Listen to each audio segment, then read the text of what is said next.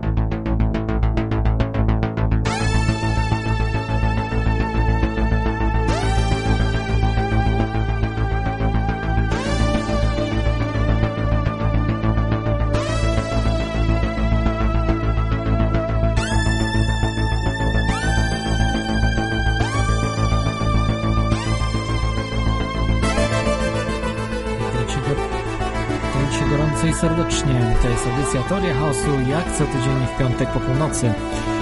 Audycja o spiskach i rzeczach niewyjaśnionych. W dwóch radiach, w Radiu Paranormalium oraz Radio na Fali. Dzisiaj mamy 2 sierpnia. Ciepło w Polsce, 30 stopni prawie.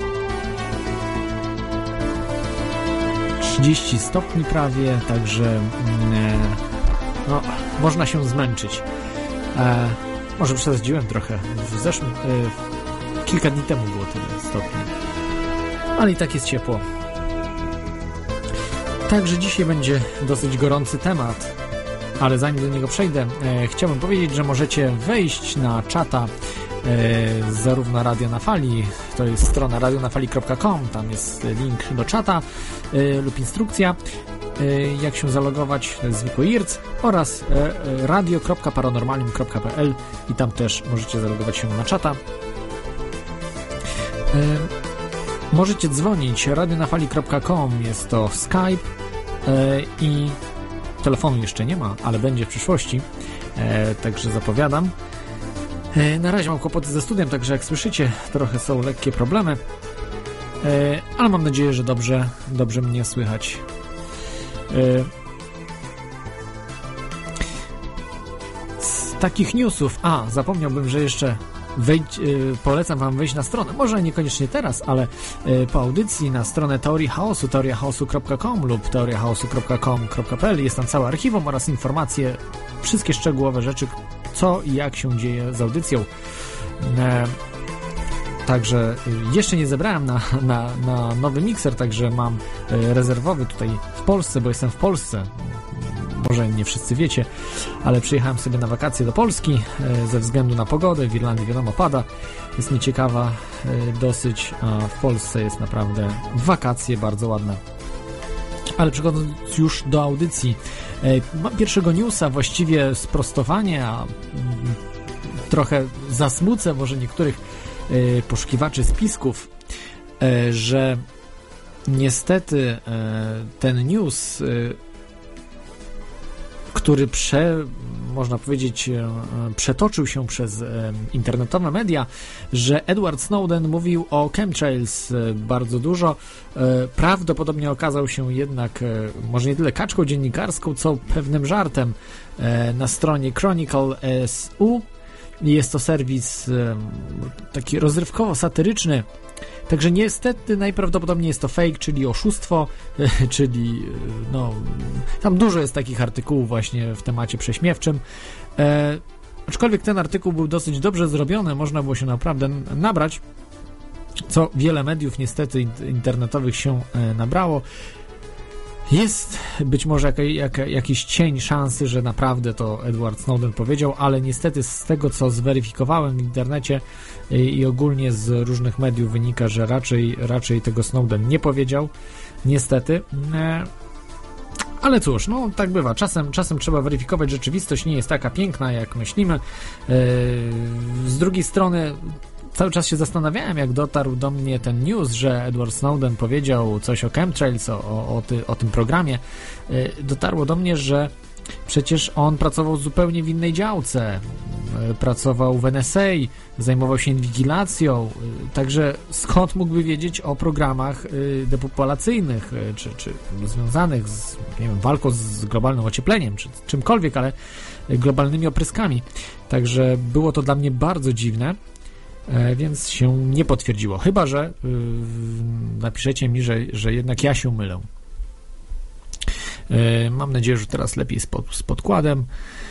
E, Pozdrawiam wszystkich na czacie. Oczywiście jest Was tak wielu, że e, nie dam rady Was pozdrowić. Na czacie oczywiście Radia na Fali i Radia Paranormalium. Dwóch najodważniejszych radiów w Polsce, które poruszają tematy bardzo niewygodne dla establishmentu oraz no, z pogranicza nauki, paranauki często ezoteryki, czasem tematów okultystycznych, e, które to tematy y, tak naprawdę nie są jakieś związane z satanizmem, e, tylko z wiedzą nieznaną. Nieznaną, bo okultyzm znaczy ukryty, jeszcze nieznany.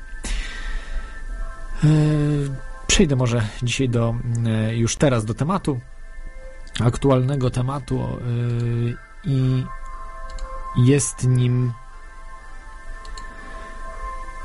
lewitacja. Troszeczkę dzisiaj odwrotnie, bo jest tak ciepło, że e, ciężko, mm, ciężko jest zebrać myśli. A teraz, jak zwykle, cytat. Największą osobliwością, od której los całej wyspy zależy, jest niezmiernej wielkości magnesowy kamień w kształcie członka tkackiego zrobiony. Długości ma prętów 3, a grubości, gdzie jest największa, ma półtora pręta. Ten magnes osadzony jest na osi diamentowej przechodzącej przez jego środek w tak ścisłej równowadze, że najsłabsza ręka może go bardzo łatwo obracać. Otacza go cylinder diamentowy na cztery stopy głęboki i na tyleż gruby. We środku wydrążone mający średnicy prętów 6, położone horyzontalnie na ośmiu słupach diamentowych, każdy o trzech prętach wysokości. Te słowa napisał y, Jonathan Swift e, w swojej e, bestsellerowej powieści Podróże Gullivera, gdzie właśnie w taki sposób opisuje latającą wyspę Laputę. Pewnie wielu z Was rozpoznało, rozpoznało to dzieło Jonathana Swifta. Także tak, dzisiaj mówimy o lewitacji, czyli magii XXI wieku, bo czyż gdybyście nie zobaczyli latającego spotka albo latającego człowieka unoszącego się w sposób lewitacyjny, dzisiaj powiemy, co to oznacza, czy byście nie uważali, że to jest magia, kosmita lub ktokolwiek. A tak naprawdę latający człowiek na lataczu, czy czymkolwiek to nazwiemy, unoszący się w powietrzu, to nie jest nic yy, bardziej yy, dziwnego od tego, że ktoś może w metalowym samolocie się unosić. Tylko my jeszcze tej technologii po prostu nie znamy.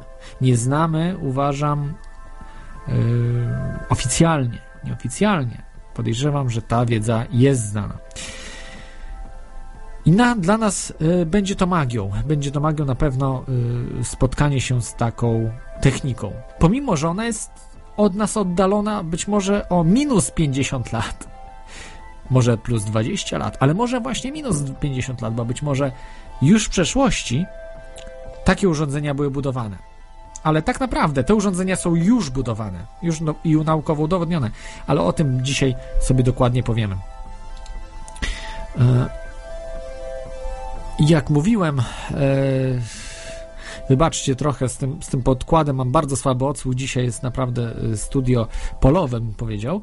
E, mam nadzieję, że już teraz lepiej. Możecie dzwonić radionafali.com, Skype i skomunikować się tutaj, zada, zadać pytanie. Najlepiej właśnie w temacie lewitacji, także powiązanych z nią rzeczach.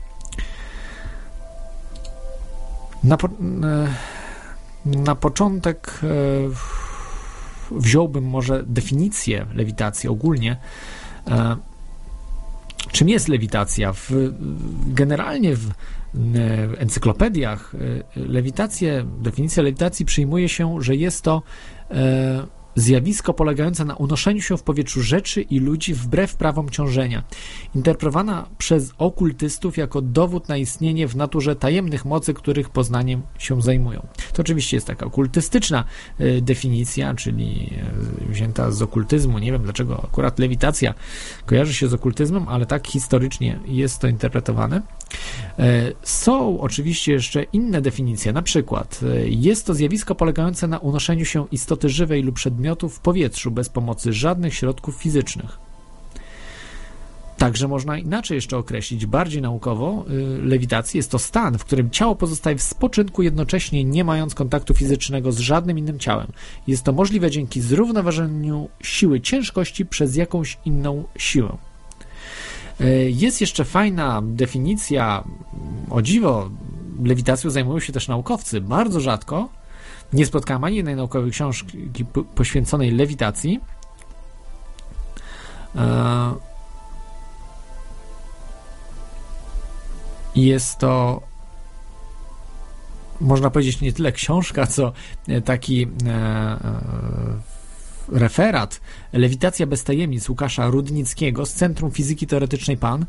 Bardzo ciekawe opracowanie, aczkolwiek zatrzymujące się na najciekawszych rzeczach, o których dzisiaj z pewnością e, sobie powiemy, e, bo e, raczej koncentrujące się na oszustwach i e, rzeczach, które fizyka potrafi wyjaśnić, ale dalej po prostu nie idzie. Ale dobre i to. E, on przytacza inną jeszcze definicję e, lewitacji, że jest to mm, ciało fizyczne, które unosi się w powietrzu stabilnie, czyli w spoczynku. E, To w pierwszym punkcie. W drugim punkcie, unosząc się, powoduje wrażenie, iż nie działa grawitacja. I w trzecim punkcie, nie ma, nie widać fizycznej przyczyny jego unoszenia się. To jest definicja e, Łukasza Odnickiego z Centrum Fizyki Teoretycznej PAN. E, Także dzwońcie, ja zrobię króciutko przerwę i za chwilkę wracamy do oma- omawiania lewitacji. Dosłownie za jakieś 5 minut jesteśmy z powrotem.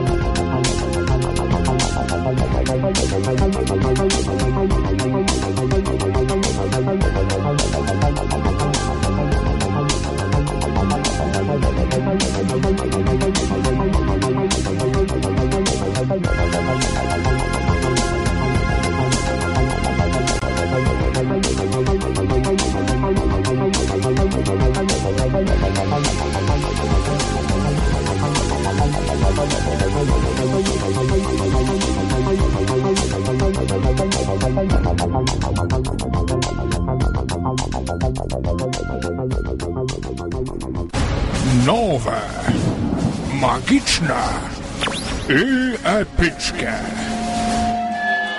Przygody Krawcza. Tylko w nowym sezonie Lorem Ipsum.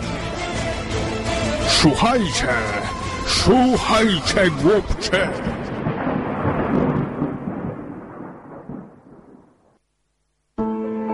W radiu na fali Noam Chomsky. Jeżeli gdzieś istnieje stacja radiowa finansowana przez słuchaczy, oznacza to, że ludzie codziennie mogą za jej pośrednictwem inaczej spoglądać na świat. Widzieć nie tylko to, co raczą pokazywać nam medialne molochy, ale również coś nowego. Mogą nie tylko słuchać, ale także brać udział w dyskusji. Jest możliwość podzielenia się własnymi spostrzeżeniami, nauczenia się czegoś. Właśnie w ten sposób w ludziach budzi się człowieczeństwo i stają się rozumnymi uczestnikami życia społecznego i politycznego. Chciałabym cofnąć czas i wziąć tę książkę i wszystko, nie wiem, przepadło. Jeszcze nie wszystko stracone. Radio Paranormalium promuje czytelnictwo. W każdą niedzielę wieczorem na naszej antenie lektury Paranormalium.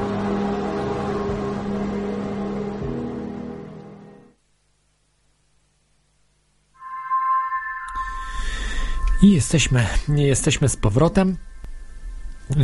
To jest audycja oczywiście Teoria Chaosu, a tematem dzisiejszym jest lewitacja. Lewitacja zarówno od strony naukowej, jak i od strony nienaukowej.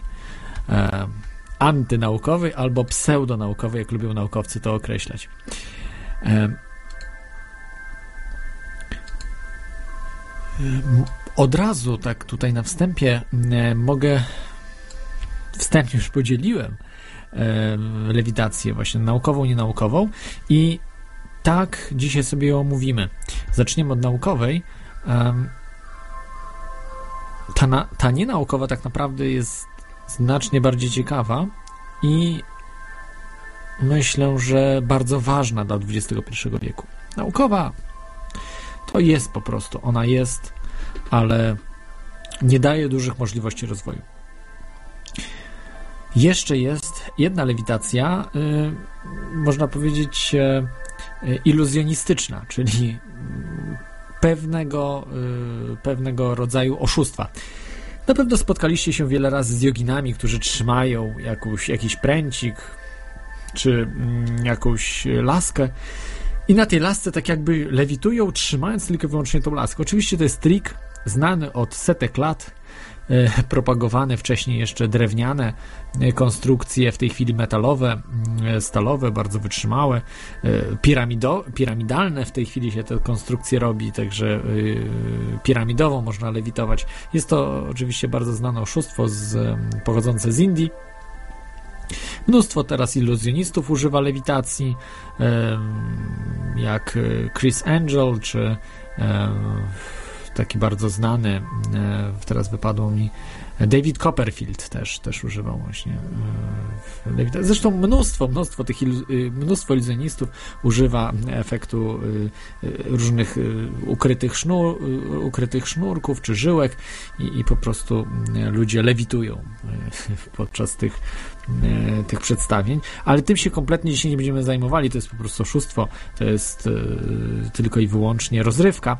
E, natomiast dzisiaj się zajmiemy naukową i nienaukową lewitacją, która nie ma nic wspólnego z oszustwem.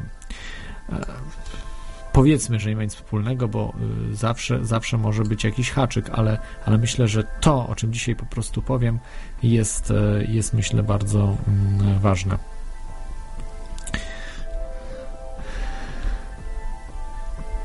Zaczniemy od lewitacji naukowej.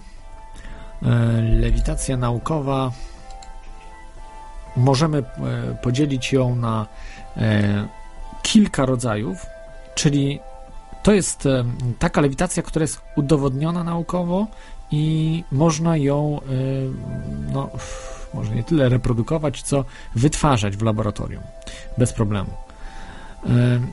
Pierwsza, którą, o której chciałbym powiedzieć, to jest e, lewitacja ciśnieniowa. Może źle to brzmi, ale jest to termin naukowy jak najbardziej i związany jest z wszelkimi ciśnieniami. Polega to na tym, że przedmiot unosi się na strumieniu powietrza, także i człowiek, bo oczywiście też człowieka można w taki sposób potraktować. I im silniejszy strumień tego ciśnienia, znaczy strumień na przykład powietrza, tym większy przedmiot można unieść, czyli no, de facto ciśnienie. Jeżeli zwiększymy ciśnienie, można większy przedmiot unieść. Jest to na przykład możecie przetestować, jak macie. Mm, kiedyś były takie odkurzacze dwustronne, dwukierunkowe, y, które y, mogły wdmuchiwać i wydmuchiwać powietrze. No i po prostu, y, jeśli podłączycie rurę, aby ten odkurzacz wydmuchiwał powietrze, wtedy możecie na przykład położyć piłeczkę ping-pongową i ta piłeczka ping-pongowa będzie lewitowała w strumieniu powietrza, który wydobywa się z rury. Bardzo znane doświadczenie. Dzisiaj nie ma już takich odkurzaczy, także młodzi słuchacze być może nie znają tego doświadczenia, ale, ale yy, ja pamiętam się, yy, udało mi się jeszcze yy, taki odkurzacz taki, taki odkurzacz używać i takie doświadczenie wykonać. E, więc, więc naprawdę fajna, e, fajna sprawa z, z, takimi prostymi doświadczeniami, czyli tym ciśnieniowym, ciśnieniową lewitacją. Przykłady ciśnieniowej lewitacji to na przykład jest poduszkowiec który unosi się na tafli, tafli wody, czy też e, tafli, e, czy też e, nad ziemią.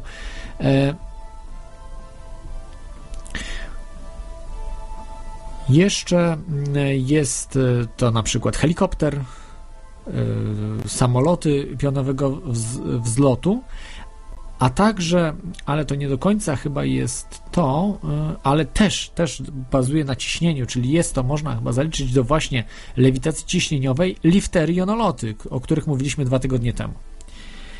E, bardzo, mm, myślę, e, fajne rzeczy, które można sobie wykonać. Tak samo można poduszkowce także wykonać. E, może samoloty pionowego e, wzlotu też, e, czy też helikoptery, przynajmniej modele. Kolejną rzeczą to są jeszcze może przy ciśnieniowej się chwilkę zatrzymamy, bo na przykład samoloty zwykłe myślę, że nie można zaliczyć do lewitacji, gdyż nie mogą przebywać w jednym, w jednym miejscu. Samolot zawsze musi być w ruchu, więc jednak nie kwalifikuje się do, e, do tej definicji, o której mówiliśmy wcześniej.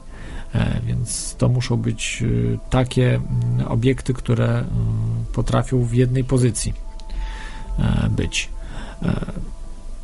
Kolejną mm, naukowo udowodnioną lewitacją to jest nadprzewodnictwo.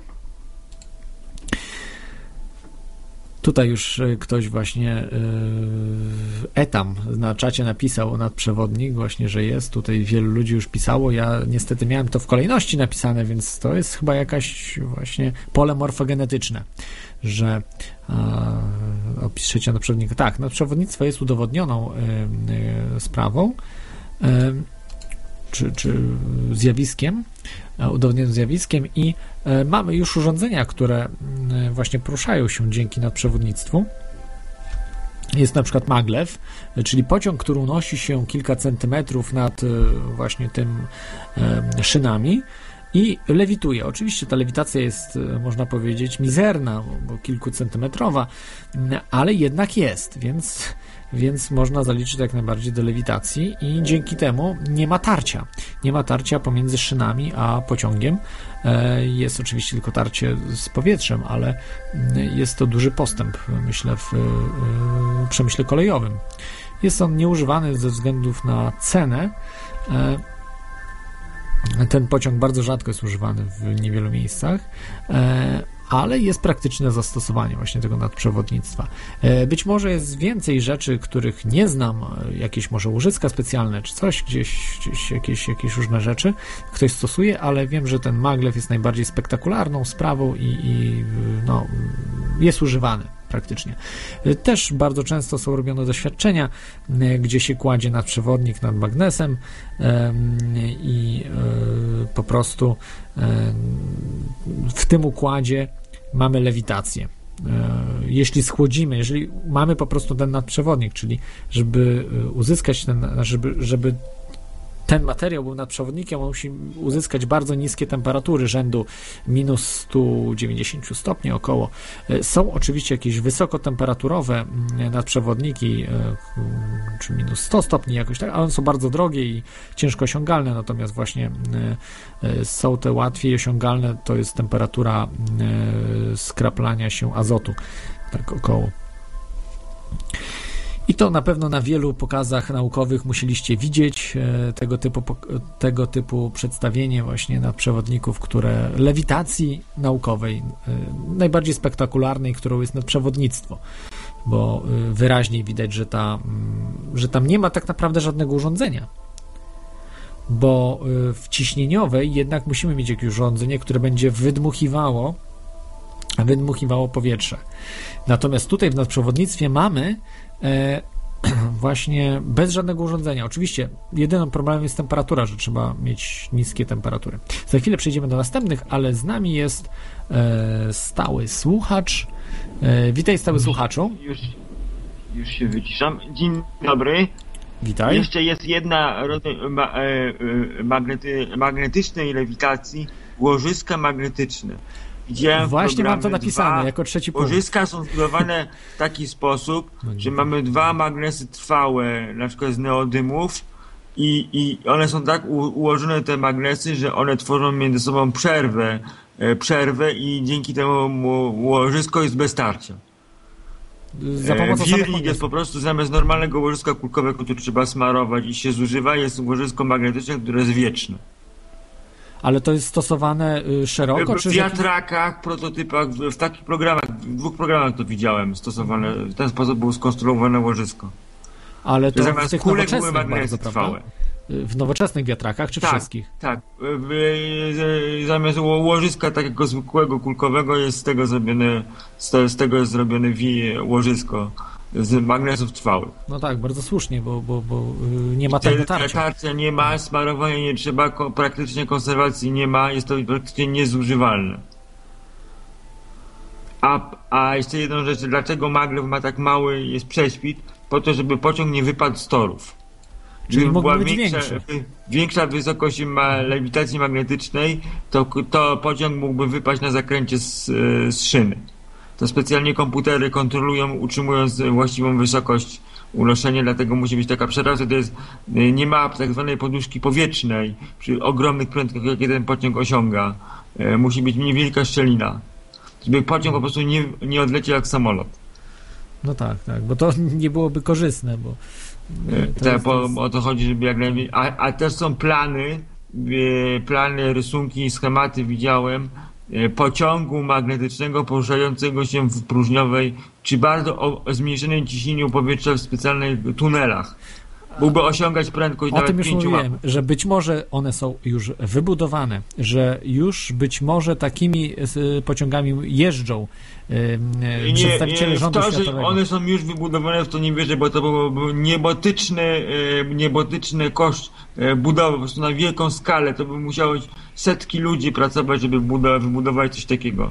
Dopiero są plany i, i ten, e, kto finansował Tesla, tą firmę samochodami elektrycznymi, chce wybudować ta, właśnie taki pociąg między dwoma końcami Stanów Zjednoczonych. Pasażersko-towarowy podziemny, tak? Taki, który by... Będzie częściowo podziemny, a częściowo Aha. naziemny będzie tunel. Niesamowite. No i wtedy on tam, będzie bardzo... Się, tam, gdzie jest, e, jak jest w linii prostej, to lepiej zrobić tunel po prostu z prywabrygatą, bo jest taniej niż kopać, kopać w ziemi. A tylko będzie przewierć przez, przez jakieś wzniesienia czy tego typu rzeczy. To po prostu koszty.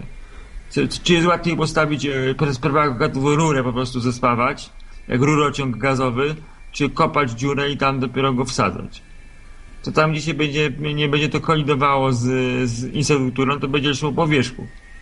Po prostu zmniejszymy koszta. Tak, na pewno, na pewno. To jest... Dlatego, dlatego te, te Parę tysięcy kilometrów na godzinę, to ja prawda? wsadzam po prostu między bajki, że, że coś takiego jest wybudowane i, e, e, teraz i to jeździ i to nikt o tym nie wie. To jest gigantyczne przedsiębiorstwo, żeby wybudować na przykład 3-4 tysiące kilometrów jakby taką kolej chcieć teraz wybudować, to przecież to tysiące ludzi by budowało i setki firm musiałyby zatrudnione przy budowie czegoś No i są, są właśnie świadkowie tego, że budowali te tunele. E, Na przykład e, Phil Schneider, e, który był e, geologiem, który e, inżynierem geologii, który e, budował właśnie tego typu tunele i e, pojawiają się od czasu do czasu ludzie, którzy właśnie e, Ale to jednie, tam i to budowali. ktoś tam jakieś plotki, ale to musiały być tysiące ludzi pracować i setki firm Niekoniecznie, jeżeli mamy maszyny, nie potrzeba tysięcy ludzi. Ja myślę, że setki Nie, ludzi. e, oglądałem jak budowali tunele przez, przez Alpy, prawie 50 kilometrów przewiercali, to przy budowie tych tuneli e, pracowało około 2000 ludzi. Więc, e, e, a używali najnowocześniejszych tebenów do przewiercania się przez skały. Mhm. A i też mieli problemy, bo jak były bardzo duże skoki geologiczne, to halo? Tak, tak, tak, tak. Skoki geologiczne, to taka maszyna potrafiła utknąć w takim tym i, i nawet dwa miesiące się biedzili, żeby ją tą maszynę wyciągnąć i wycofać. Więc to nie jest takie proste. Budowanie tunelu to nie jest taka prosta i łatwa sprawa i, i, i naprawdę trzeba przy tym musi być zatrudnione dużo ludzi i to naprawdę trzeba, e, jest to bardzo skomplikowane. Zależy, Niemcy wykorzystywali dziesiątki tysięcy ludzi, prawda? I, i, No to i mieli bardzo kiepskie, kiepskie, mówimy o- kiepskie maszyny i jakoś dawali na- radę. Setki me- kilometrów budowali Metrów, Niemcy. me, metro budują w Warszawie. Jest, w Warszawie jest tak trudny teren geologiczny, że, że są problemy. Jak zalało tunel, z, prawie się kamienica zawaliła. Po prostu tutaj takie niespodzianki wychodzą podczas wiercenia tego typu, a wiercenie według tych teorii spiskowych, bo to tak nazywajmy, tunel o długości y, tysiąca kilometrów i nikt o tym nie wie, nikt o tym nie mówi y, i że to tak szybko wybudowali, y, że to już działa, a, a, a tego typu nowoczesne maszyny TBN to jest może od 10 lat są już dostęp- dostępne na To znaczy, to rynku. są jeszcze nowocześniejsze maszyny, które są nieujawnione, czyli które roztapiają skałę. I na, i One na, nie e, wiercą mówiąc skały, tylko roztapiają e, e, skałę. To my stosujemy tego typu maszyny i na, na, e, mamy jak mówiąc, jakby dwie, to one już istnieją od e, tego, że one są e, e, a bu- e, buduje e, to, o, o tych maszynach o topieniu skał to było mówione, pamięta pan program Sonda? E, tak, Były oczywiście. prototyp pokazane takiej małej maszynki do robienia dziury. E, e, tam było coś do wolframu wol, rozgrzanego do 3000 stopni. I prototyp był pokazywany, jak robił taki mały odwiert. Tam była pokazana taka maszyna, ale wybudowanie maszyny takiej, by zrobiła tunel jak do, dla pociągu, to musiał być tak zasilany prawdopodobnie e, potężnym reaktorem jądrowym, czyli głowica Tak po prostu właśnie, tak podobno jest, jest to e, robione. wybudowana i to wybudowanie czegoś takiego i, i, i sobie, że to jest e, nikt o tym nie wie, to ja wątpię. No to by było na wiedzą, pewno to nie jest tak, maszyny, nikt nie wie, Gdyby to to, już działało, to e, byłoby to stosowane normalnie ogólnie, byłoby to stosowane, nikt by tego nie ukrywał. To tylko jest moja, mo, moja, moja po prostu, jak patrzę, to technologię mamy, to czemu jej nie stosujemy na masową skalę, tylko e, tego, nie wiem dlaczego mielibyśmy to przez społeczeństwo, jak mówiąc, e, nie, nie używać tego powszechnie tylko do budowy e, tuneli, czy połączmy dwie rzeczy, termiczne i mechaniczne kruszenie skał. Bo czasami, jeżeli jest woda, jeżeli jest woda, to nie możemy tego użyć, bo musi być sucho. Tak jakbyśmy trafili na wodę, to by nam wszystko wystrzeliło. To by się para zagotowała i, i żegnamy maszynę i mamy teren skażony. Jakoś Po prostu myślę, to- to myślę taka że sobie eksplozja. Ale oczywiście, to, jest, to są hipotezy, to są hipotezy, także... Po prostu y, nie wszędzie dałoby się nawet te, używać tej metody termicznej. Bo jakbyśmy trafili na ciek wodny, to by było boom. Bo by się po prostu woda zagotowała. Natychmiast. Albo by wszystko stanęło, bo by woda schłodzała. Albo by doszło do eksplozji, albo by się nie dało wierzyć, trzeba by to kruszyć tradycyjnie, czyli mechanicznie, albo wysadzić dynamitem. To jest oczywiście hipoteza, że, że takie, takie tunele są. Nie ma, nie ma na to stuprocentowych dowodów, są zupełne poszlaki. Ja tylko mówię, że jeżeli by było to bu- budowane, jeżeli byliśmy w stanie technicznie to robić, wiedzielibyśmy, bo, bo to tego nie zrobi 10 osób, tylko do tego trzeba by armię ludzi i potężne korporacje, które by to budowały i tego by się nie dało ukryć. Tysiące ludzi musiałyby pracować przy tej budowie. Y, Nie, samych ludzi zatrudnionych przy budowie tunelu mogą być około 200-400 do 1000, ale zaplecze całe techniczne które dostarcza wszystkie materiały, yy, yy, wspomaga tych pracowników, to jest nawet tysiąc ludzi czy więcej i urządzeń, konserwacji. I jedno panu powiem, TBN-y, te mówię mechaniczne, one się szybko zużywają. To nawet e, jakby super nowoczesne, są tak ciężkie warunki pod ziemią, ten sam przewiert się robi, e, czyli te, te warunki są tak niszczące dla sprzętu, że trzeba ciągle wymieniać części. E, Po prostu mechani, e, stal się po prostu, e, cała maszyna się zużywa od wibracji. Więc e, dostarczenie zaopatrzenia, to wszystko by było to jest zbyt duża po prostu inwestycja, żeby to tak ukryć, że nikt o tym nie wie, że jakieś zdjęcia nie te, że, to, że to tak wychodzi, a tam technologia, ona nie jest wojskowa.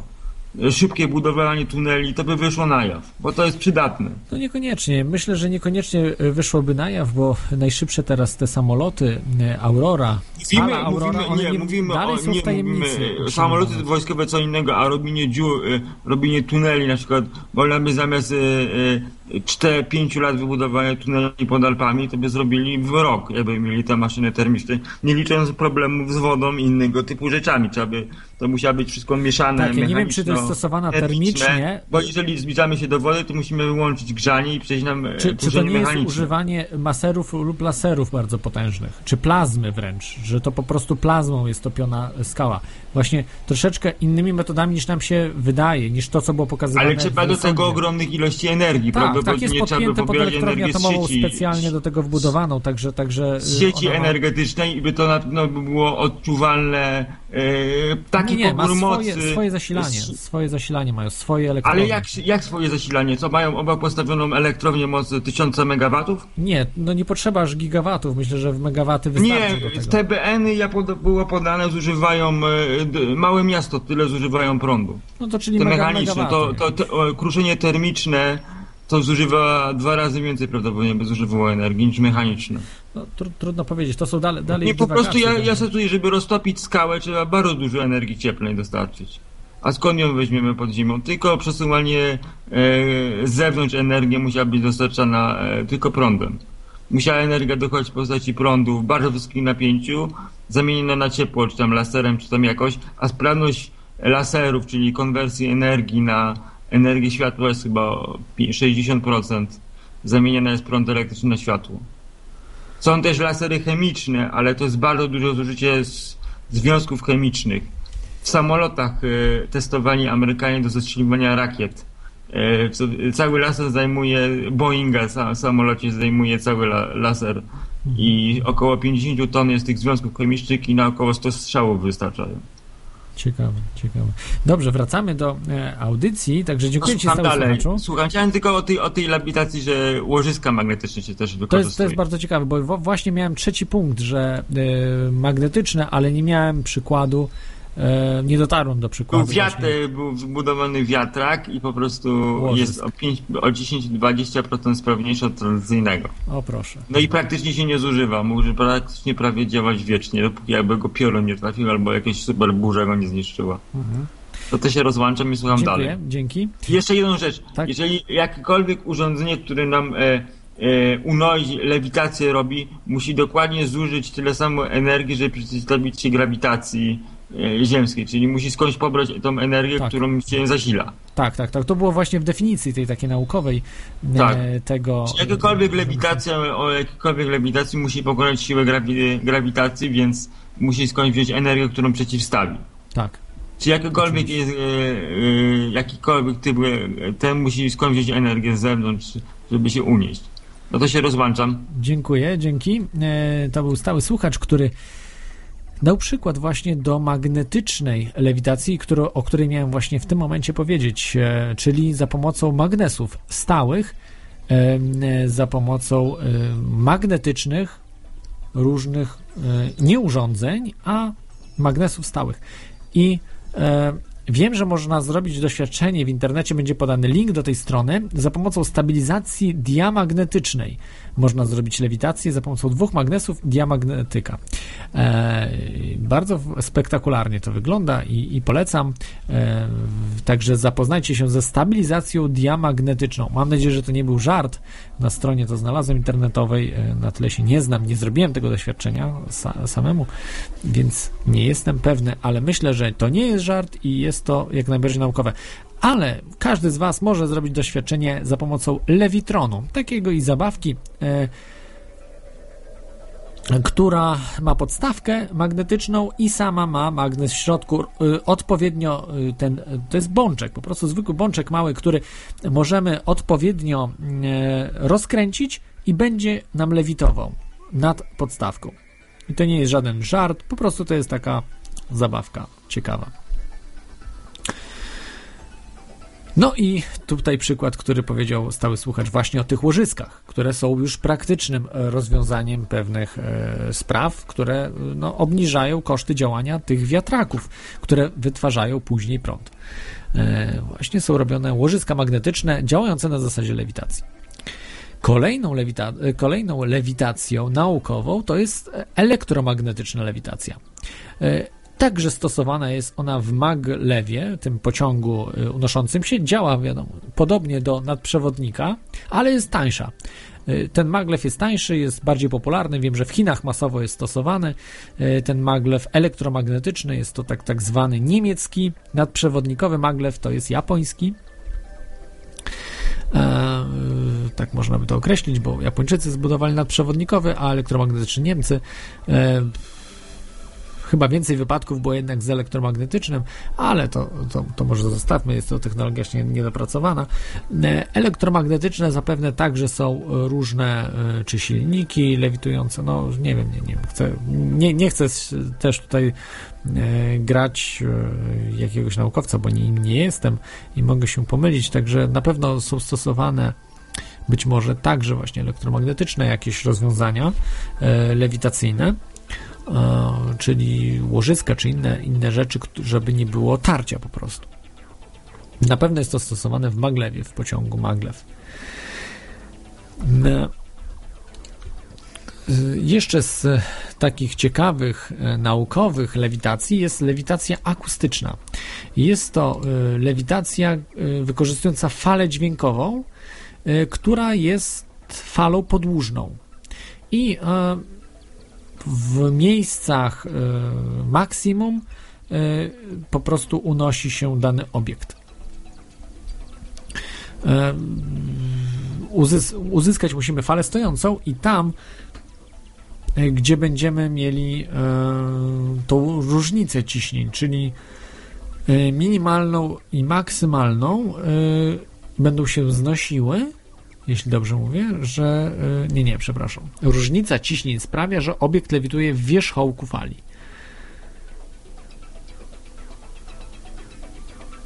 Czyli tak jakby y, po środku fali.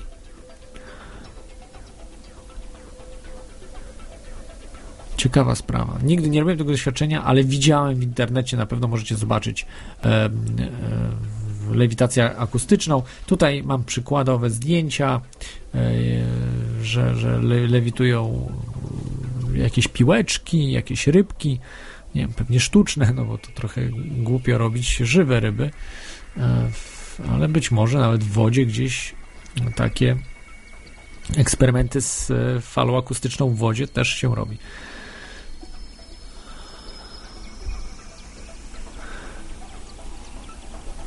Jest jeszcze lewitacja mm, optyczna, która wykorzystuje światło. Także światło jest falą, jak wiecie, i można wykorzystać światło do tego samego, co dźwięk, czyli też, aby e, w tak odpowiednio dobrać, aby e, parametr, aby uzyskać falę stojącą i wtedy też może dany obiekt e, po prostu utrzymywać się na wierzchołkach fal. Ale myślę, że to, y, to, to można zrobić za pomocą lasera na przykład, mocnego dosyć pewnie, nie, nie, nie słabego, z dużą mocą. Y, Jest tutaj nawet obliczona kulka szklana niewielka, którą moż, można za pomocą lasera o mocy 3, e, przepraszam, 30 mW.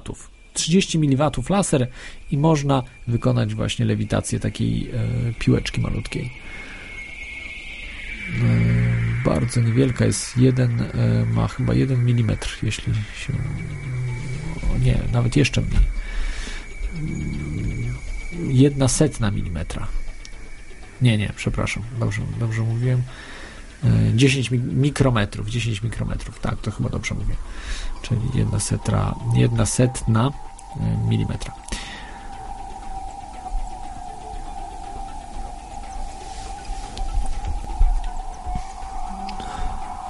Ale to, aha, przepraszam Was, bo to z obliczeń wynika, że 30 mW, a z doświadczenia wynika, że 20, yy, 250 mW trzeba mieć moc lasera, czyli 10 razy yy, większą moc, aby uzyskać lewitację.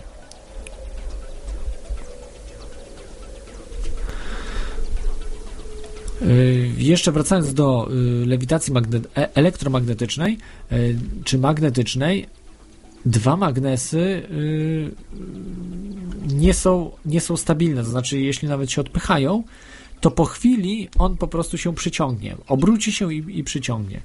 E, Tak z reguły y, wygląda. To zresztą robiliście zapewne eksperymenty z magnesami, także nie jest łatwo uzyskać lewitację. Trzeba by było jakieś odpowiednie e, triki robić, tak jak z tym lewitronem, czyli rozpędzić go, aby wpadł w ruch e, precesyjny, taki właśnie chyboczący się. I, i, I wtedy jest to możliwe.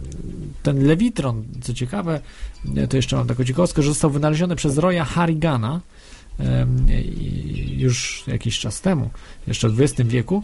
E, No i można go kupić. Jest chyba w tej chwili wszędzie w Polsce jest dostępny. E, Jak taki jest układ dynamiczny, to można uzyskać lewitację magnetyczną. Natomiast jeśli nie, to te magnesy się przyciągną. Od, odepchną się i nie przyciągną się, jeżeli się mocno odepchną i gdzieś powiedzmy nam na stole, a może się zdarzyć, że po prostu się przyciągną też.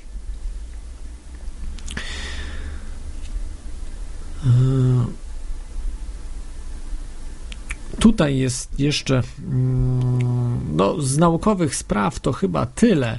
E, Nie, nie potrafię się bardziej e, wypowiedzieć w sensie w lewitacji akustycznej, optycznej, do czego się to wykorzystuje. Pamiętam jeszcze, mm, przepraszam Was, tak wrócę do lewitacji magnetycznej, że mm, zastosowano bardzo silne pola elektromagnetyczne i tam y, zrobiono, że żaba lewitowała. To było jakiś czas temu. Zresztą ten, y, ten człowiek, który robił te doświadczenia, dostał za te doświadczenia właśnie antynobla, a później za inne doświadczenia y, dostał nagrodę no, Nobla. Znaczy, przepraszam, antynobla, a potem Nobla. Czyli to była pierwsza osoba, która dostała dwa Noble, jednego antynobla i jednego Nobla. Chyba nawet w zeszłym roku to było. Y, W linkach podam Wam szczegóły, bo niestety nie przygotowałem tego, tak sobie teraz właśnie przypomniałem o tym, że, że było coś takiego. No, dosyć absurdalne doświadczenie. Prawdopodobnie można było to samo z człowiekiem zrobić w odpowiednich, tylko nie wiadomo, czy nie uszkodziłoby się mózgu, czy jakichś problemów zdrowotnych, dlatego robiono to doświadczenie na żabach czy innych e, stworzeniach. E, Przechodzimy teraz do lewitacji nienaukowej, która myślę, że jest dużo bardziej ciekawa e, i bardzo mistyczna. Od niepamiętnych czasów, kiedy powstały e, pierwsze, mm, no, y, kiedy człowiek rozbudził w sobie duchowość, zaczął pewnie myśleć o, o ptakach, o, o tym, że można by było też tak jak one się unosić w powietrzu, być może lewitować. I od tamtego czasu wielu y, mistyków, czy, czy tak jak nawet świętych katolickich, podobno lewituje. Nigdy żadnego nie widziałem, więc nie wiem. Czyli mm, określiłbym to na pierwszą lewitację nienaukową, o której sobie powiemy, czyli medytacyjna i religijna lewitacja. Która jest powiązana, bo czy medytacyjna, religijna jest to, jest to myślę, że taka sama, w tym samym znaczeniu lewitacja. Jest to lewitacja bez żadnego urządzenia, za pomocą myśli. Myśli, modlitwy, energii, umysłu, jak, jak to inaczej określić, często powiązana być może właśnie z mm, lewitacją akustyczną, bo często wykonuje się różne śpiewy, różne mantry, ten, ten dźwięk taki om właśnie jest stosowany i być może właśnie on pomaga trochę dokonać tej lewitacji. Jest wiele filmów na, na YouTube, które możecie sobie zobaczyć. Widziałem mnóstwo, ale jeden naprawdę mnie zafrapował. Był to film e, szamana afrykańskiego, z, z, jakiegoś kraju afrykańskiego, który właśnie odprawiali modły, właśnie tańczenie, granie na bębnach. I on uniósł się na, na jakieś, nie wiem, kilkanaście centymetrów, może, może, może e, kilkadziesiąt centymetrów e, i, i na dosyć krótki czas, i potem e, kompletnie wyczerpany po prostu upadł. E, nie wiem, co o tym myśleć. Byli przy tym e, podobno e, dziennikarze i widzieli to, że nie było tam żadnych linek, nikt go nie podnosił. No mówię, no nie jest to, nie jest to jednoznaczne. Bardzo ciekawa sprawa. Wielu, wielu mistyków, wielu świętych, wielu mm, różnych szamanów właśnie wykorzystywało taką lewitację, żeby pokazać swoją siłę. E, Także mówię, nigdy nie widziałem czegoś takiego. Może wy widzieliście, także napiszcie, jeśli widzieliście taką e, lewitację. E, e, tutaj Buzdygan na czacie pisze, że wszyscy mnisi lewitują. E, że, że mają e, z tego zajęcia lewitacyjne. No, Słyszałem o tym, że, że, że to jest wtajemniczenie właśnie każdego mnicha, ta, te lewitacje, ale z tego co widziałem, to z reguły właśnie są jakieś laseczki, e, takie dziwne, jakieś, jakieś dodatki. To taka lewitacja myślę, że, że się nie liczy, czy też jakieś e, iluzje w stylu właśnie Chrisa Angela, czy, czy innych iluzjonistów, gdzie, gdzie, gdzie stosuje się właśnie pewne triki. No nie wiem, no, te filmy wydają mi się dosyć niewiarygodne ale może ktoś z Was e, spotkał ta, takiego mnicha, który lewitował. Jest z nami e, Jarek. Witaj, Jarku. E, witam. A propos, a propos tej lewitacji. Spotkałeś się z czymś takim na żywo? Znaczy, widziałem bardzo ciekawy film. Taką, taka strona jest Rose of Sharon. Tam mnóstwo filmów ciekawych można zobaczyć i mm, rosyjski taki film o hipnozie. Yy, I tam był, to się nazywa film, zaraz to zobaczę, Lewitacja i kontakty trzeciego stopnia. Tam dosyć, dosyć długi ten film. Tam y, hipnotyzer, y, psychiatra hipnotyzował pewną kobietę, w którym, która miała jakieś koszmary i utratę pamięci i w pewnym momencie dotarł do takiej blokady, gdy nie mógł, nie mógł e, jak gdyby odblokować tej pamięci. W końcu e, ta blokada puściła i e, doznał szoku, bo kobieta się zaczęła unosić właśnie w lewitacji i zaczęła opowiadać o kontaktach trzeciego stopnia z UFO, gdy jakieś tam badania lekarskie przeprowadzano. Bardzo ciekawy film. Hmm. No, ale, ale to był jednak film, to tak. Hmm. Zawsze to jest mniej wiarygodne, prawda? Jak się widzi coś na żywo. Tak. Także tak, tak, tutaj, no, yy, no, ale ciekawa sprawa, ciekawa sprawa bardzo. I jeszcze też można powiązać chyba tą e, e, lewitację może trochę z antygrawitacją albo z jakimiś maszynami które, które tą y, antygrawitację powodują. Oczywiście, ja to sobie na sam koniec zostawiłem, mam sporo na ten temat do powiedzenia. A, e, właśnie... coś, coś słyszałem, ale niedokładnie, gdzieś chyba w nieznanym świecie czytałem artykuł o takim Rosjaninie Wiktorze Grebiennikowie. też, tak? też to mam przygotowane, oczywiście. Y, to jest znany, y, to jest fizyka kształtu, czy, czy energia kształtu Też, też o tym za, zaraz opowiem. Czy coś więcej wiesz na temat Wiktora Grabiennikowa? Mm, Nie, to, to dosyć dawno już czytałem Aha. właśnie. Ty- Tylko to. Tak, będę o tym mówił, bo jest to no, tak niewiarygodna sprawa, ale tak z drugiej strony fascynująca, że, że, że, że koniecznie o tym wspomnę, bo po prostu jest to zapomniane. Jest to tak jakby no, wyrzucone poza nawias i tego już nie ma. Jakby y, były artykuły w nieznanym świecie, czy ktoś, kto się interesuje tymi rzeczami niewyjaśnionymi, paranaukowymi, to, to, to może wiedzieć, ale, ale generalnie tego w mediach kompletnie nie ma. Nawet w internetowych bardzo rzadko y, pojawia się y, ta sprawa. A jest bardzo blisko, bo to jest z Rosji, prawda? Czyli dosyć blisko tutaj Polski. Dosyć.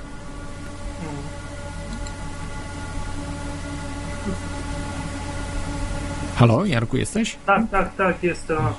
Tak, jeśli chodzi, jeśli chodzi o tą właśnie lewitację, to tylko ten, e, ten właśnie filmik tak miałem Mhm. jako, jako taki ciekawy, nie odnoszący się właśnie do, do takich tych e, lewitacji e, pod wpływem modłów czy jakiejś koncentracji, tylko taka spontaniczna, nieświadoma lewitacja. Ha, o czymś takim to nie.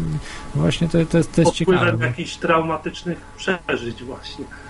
I tam widać było na tym filmie, bo tam trochę ta lewitacja jak gdyby, jak gdyby zakłócała kamery, że trochę ten obraz zaczął migać w momencie, gdy, gdy ta kobieta się zaczęła unosić, że ta lewitacja obejmowała tylko, tylko w zasadzie ciało, bo ręce jakby szły, szły jej na dół i włosy też.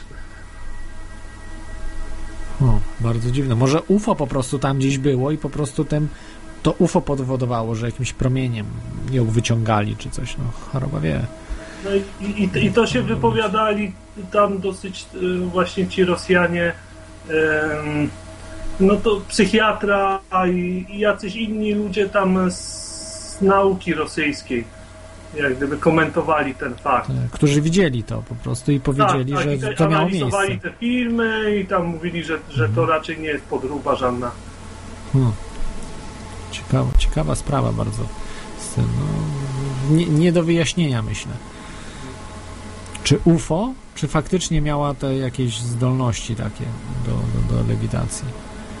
To, to zawsze, to, to chyba dwa razy to się y, działo, dwa razy ją hipnotyzowali i tak samo ten się podnosiła i to zawsze w momencie jak o, o, opisywała swoje doznanie, w momencie jak gdyby pochwycenia przez tych obcych i jakieś przeprowadzania przez nich badań na niej. Hmm. Ciekawe, ciekawa, ciekawa sprawa.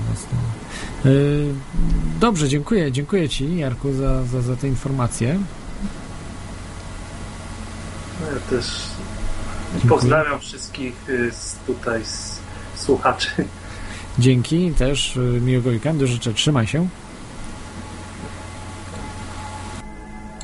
To był, e, to był Jarek, który poinformował nas o ciekawej rzeczy, o której nie, o której nie miałem informacji, czyli o spontanicznym lewitowaniu, być może powiązanym z kosmitami, ale tego nie wiemy. E, e,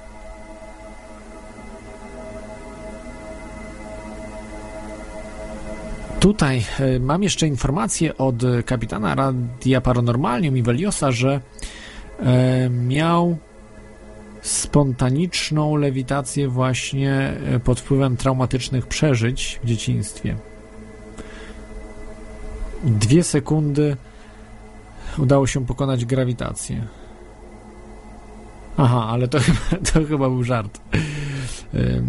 Od Persefony dostałem zdjęcie, Persefony dostałem zdjęcie, że że e, potrafi lewitować. Na zdjęciu faktycznie lewituje, ale prawdopodobnie jest to trik ym, no, iluzjonistyczny, czyli można powiedzieć, że jest początkującą iluzjonistką.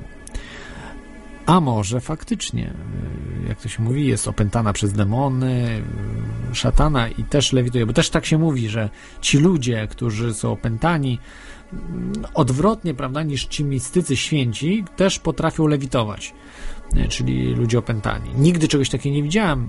e, Znaczy, zdawało mi się, że widziałem ludzi opętanych e, czy coś, ale nie, nie, nie byli tak spektakularni jak na tych filmach Egzorcysta, gdzie, gdzie lewitują właśnie ci, ci opętani ludzie.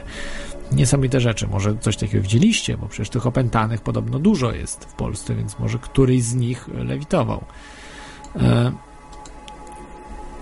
że tak jest właśnie tutaj e, też Persefona pisze, że e, że opętany albo unosi się w powietrzu, albo skacze bardzo wysoko i powolnie opada. No, jak typowy film z Hollywoodu. Niesamowicie musiało być coś takiego wygląda, e, wyglądać, ale nigdy nie widziałem czegoś takiego. Oprócz, oprócz filmu hollywoodzkiego, właśnie Egzorcysta. Pierwsza część pamiętam, no, zrobiła na mnie duże wrażenie. Zrobił na mnie duże wrażenie ten film, a ta lewitacja zrobiła na mnie spore wrażenie. E, Więc, e, więc to, jest, to jest ciekawa sprawa. Ale przejdźmy teraz do drugiej mm, lewitacji spirytystycznej. To właśnie być może te demony, te opętania, wszystkie można by zaliczyć do tej lewitacji spirytystycznej. Najbardziej takim znanym przypadkiem lewitowania y, tak, medium, spirytysty, to był Daniel Douglas y, Home. On, y, no, setki były świadków na to, że on lewitował, w, to jeszcze było w XIX wieku, więc dużo trudniej było przeprowadzać te, te, te, te oszustwa niż dzisiaj. Więc no, ciekawy przypadek. Wielu, wielu ludzi widziało, jak on po prostu z jednego pomieszczenia do drugiego, że latał niemalże. Więc to była taka lewitacja, no, yy, niezwykła w pokoju gdzieś, tylko po prostu on wyleciał z, przez okno i potem drugim oknem wleciał. Także dużo bardziej skomplikowana.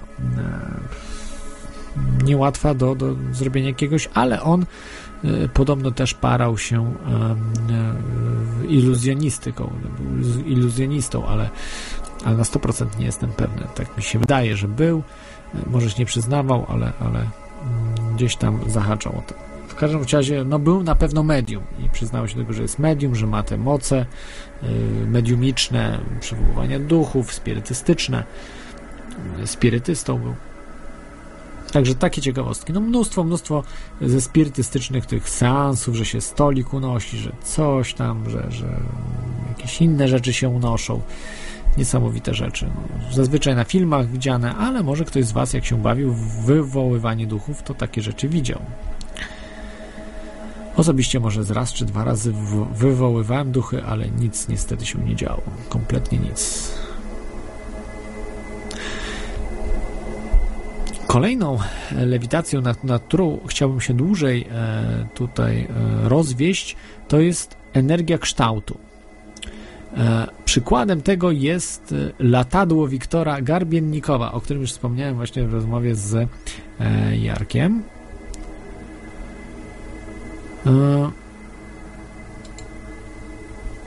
To jest, myślę, że najbardziej niesamowita sprawa, jaka e, jaką ja generalnie spotkałem, to już dawno, bo to jest bardzo znana historia, znana, mówię, w kręgach y, tych kręgach, bym to określił, paranaukowych, rzeczy niewyjaśnionych, paranormalnych. Wiktor Garbiennikow. Kim on był? Urodził się w 1927 roku, zmarł w 2001, czyli niedawno, 12 lat temu, rosyjski etymolog i wynalazca. Zajmował się y, owadami, ale i odkrył właśnie różne dziwne rzeczy. E, skonstruował platformę lewitacyjną, którą nazwał latadłem. E, jej działanie opierało się na y, to jest najśmieszniejsze, na fragmentach pszczelich gniazd i wytwarzanym e, przez nie efekcie struktury jamy tak się ten efekt nazwa, tak nazwał.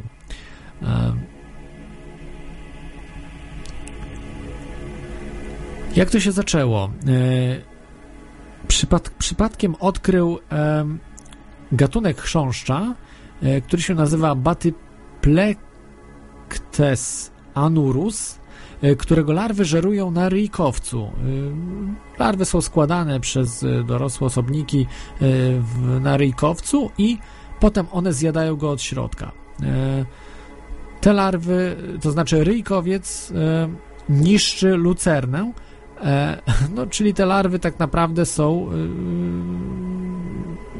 e, sprzymierzeńcami człowieka, tak? W, w, e, w jakiś tam sposób. Ale w każdym razie e, jest, e, mm, jest to chrząszcz, który żyje w innym e, owa, owadzie. E, I to był efekt, gdzie po prostu same ze słoika wyskakiwały e, larwy, czy prawie no, ze, ze słoika, ale, ale też e, potrafiły około wyskoczyć nawet do 5 cm te larwy na, na wysokość 5 cm, gdzie to było nierealne. To jest e, zaprzeczało w jakiś sposób biologii i, e, i grawitacji. Gdzieś doszukał się w książce, że to jest standardowy efekt, e, że, że tak się one zachowują, ale nie dawał mu to spokoju i, i dalej badał to, co się dzieje. Na jakiś czas odłożył, to było w latach 80. wszystko, na jakiś czas odłożył te badania i y, później mm, podobny efekt odkrył, y, gdy był na y, Syberii, na, w takim niedaleko takiego jeziora. Y, to jezioro się nazywało, jeśli dobrze pamiętam,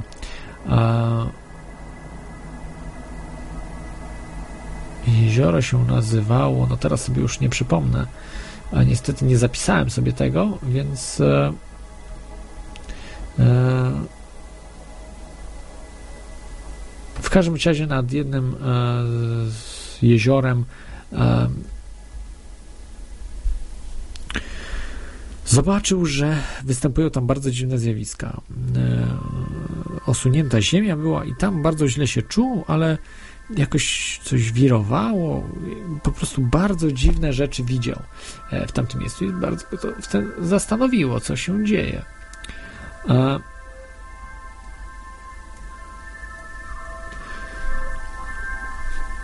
Później e, odkrył, że w, w tym miejscu były niejakie kolejne owady. Nie, owad nazywał, nazywa się smuklik, e, czyli pszczoła ziemna. I ta pszczoła e, wytwarza właśnie dziwne jamki, które powodują y, bardzo, z kolei powodują bardzo dziwne efekty. Właśnie można powiedzieć antygrawitacyjne, wręcz właśnie lewitacyjne. E,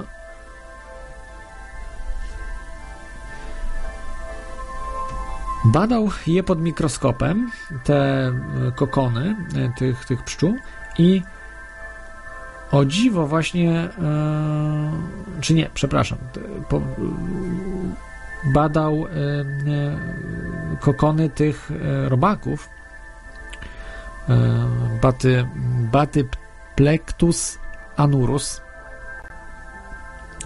i okazywało się, że one ni- niczym się nie wyróżniały od innych e, e, robaków czy, czy, czy owadów, e, te kokony, ale jak zapaliło się światło, przy zgaszonym świetle zapaliło się światło, on po prostu wyskakiwał do góry. Czyli tak jakby przejmował energię światła, mm, wykorzystując je do, do efektu antygrawitacyjnego w jakiś, w jakiś sposób. Później właśnie, jak, jak mówiłem, e, zaczął badać pszczoły, gdzie ten efekt był jeszcze bardziej wyraźny, bo e, to one były dużo większe, pszczoły dużo większe, więc ten efekt był dużo bardziej e, widoczny i, co ważniejsze, te jamki były robione masowo. Jak wiecie, jak pszczoły tworzą ul, e, tworzą plastry miodu, czy mm, za pomocą e, za pomocą budulca, czyli e, czy kitu pszczelego, czy to się nazywa e, wosku pszczelego, one budują sobie te, te jamki i ten efekt jest dużo bardziej wyraźny.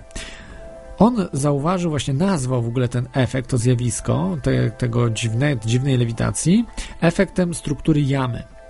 E, także to, to z języka rosyjskiego można określić efekt struktur porowatych. On to określił efekt połosnych struktur. W, w skrócie EPS.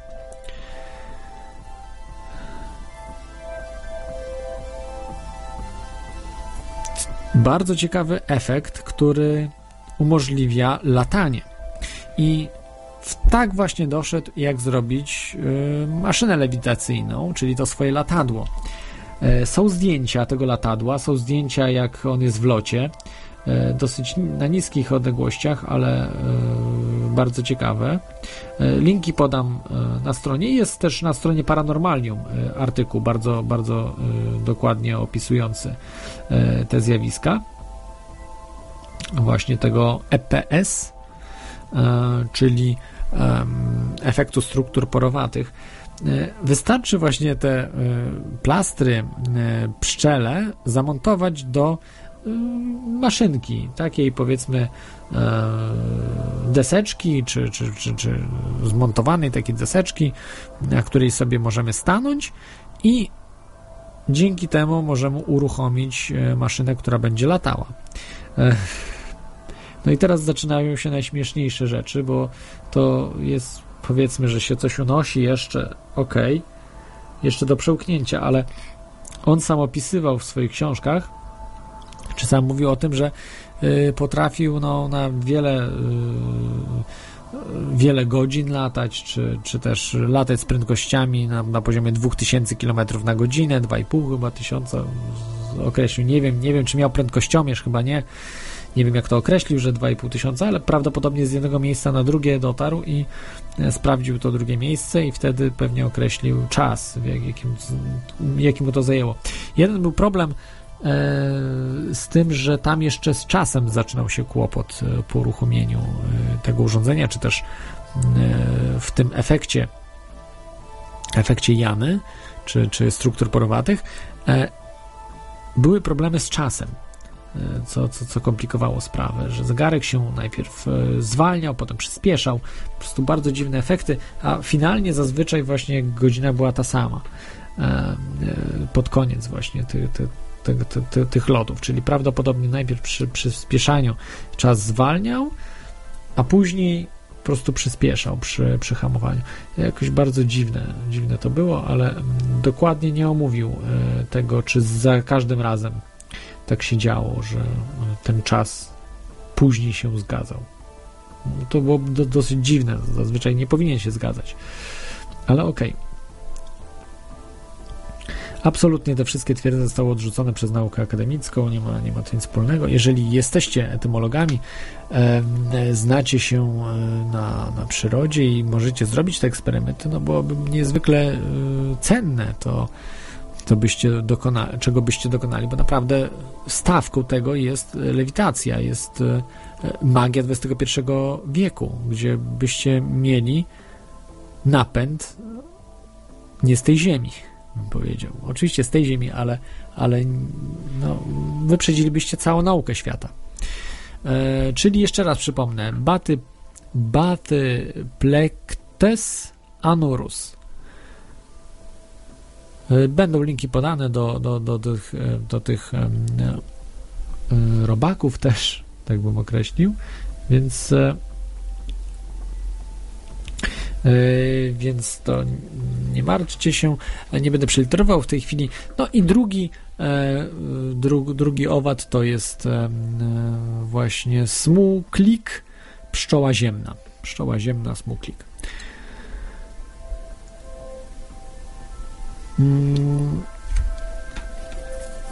Z tego co wiem, on y, napisał y, książkę po rosyjsku, jedną albo dwie nawet, y, chyba, ale jedną na pewno, która jest dostępna. Tutaj Welios mi pisze, że jest dostępne, fragmenty są książki.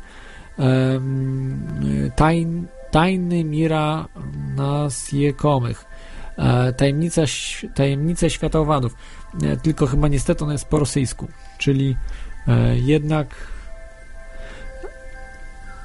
no, trzeba ten rosyjski język znać. E, ale jeżeli znacie język rosyjski, to możecie y, dużo wyczytać z tego, co zostawił y, nam Wiktor Garbiennikow. Może jest coś w tym, w tej opowieści, może jest prawdą. Podobno zniknęła, te, te, jego latacze, te wszystkie, czy latadła, jak to określał, zniknęły. Jego syn też nie ma pojęcia, co się z nimi działo i jest niestety no, kompletnie nie wiadomo, kompletna czarna dziura. Y, nic nie wiadomo. Jest podobno muzeum Wiktora Garbiennikowa, ale nie ma tych, tych rzeczy, o których tutaj właśnie dzisiaj sobie mówimy. Najcenniejszych, tych, które mogą być. No są zdjęcia, no, które wyglądają, że faktycznie no, musiał być, y, można by oczywiście je zrobić w jakiś sposób oszukańczy, ale naprawdę ciekawie wyglądają. No, no jest, jest to bardzo pomysłowe. No, jest Trudno powiedzieć, widać trochę tak jakby no, mógł oszukać to zdjęcie. Oczywiście to nie jest, że lata gdzieś na jakichś dużych wysokościach. Podobno też y, można zniknąć, jeżeli się bardzo szybko porusza człowiek w takim, w takim urządzeniu. Można zniknąć. A on, jak on tłumaczył, dlaczego 2,5 tysiąca na godzinę mógł sobie swobodnie latać, y, z, takimi niby sporymi nawet przeciążeniami, y, że mm, tam występują siły antygrawitacyjne, czyli grawitacja przestaje działać i w tym czasie właśnie, jak przestaje antygrawitacja działa, znaczy grawitacja działać, e, to e, nie oddziałuje na naszą siłę, nie ma przeciążeń takich. Jak, jakie są właśnie poprzez siłę, siłę grawitacji. E, tutaj jest pytanie, Octavi, Octavium e, pyta, czy jonolot może lewitować na Marsie. Oczywiście, że tak, tylko odpowiednio zrobiony. Zwykły, ten, który pokazywałem wam tam, który budował e, e Jean Nodin, to niekoniecznie, aczkolwiek budował Jean Nodin takie, które w próżni latają, więc na pewno są jonoloty, które mogą lewitować na Marsie bez problemu. Na Marsie oczywiście jest atmosfera, ale bardzo nieduża, myślę, że wystarczająca do, do tego, żeby nawet zwykłe jonoloty latały, ale te takie ulepszone wersje na pewno będą latały, bo i w próżni mogą. Więc, e, więc na pewno to jest jak najbardziej możliwe i podejrzewam, że dużo większy ciąg mają e, na Marsie, bo y, mniejsza moc jest potrzebna.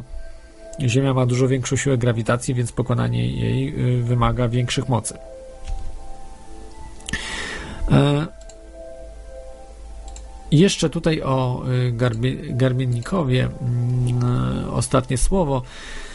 Y, jak oceniać y, tą postać? No, był naukowcem, to, to jest, to na pewno wiemy, że był, że oddawał się zawodowi swojemu badacza z całym sercem.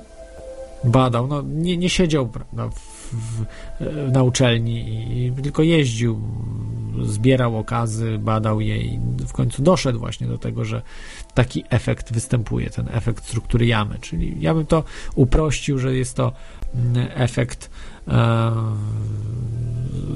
to jest mm, e, energia kształtu, tak bym określił to.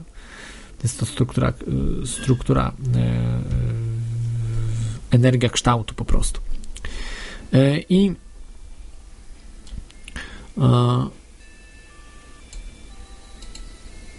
Więc nie wiem, moż, można spróbować badać właśnie te, te, te plastry miodu, te, mm, te, wytworzone przez te pszczoły, czy też te, te robaki, e, które, które e, żyją w innym, w innym organizmie.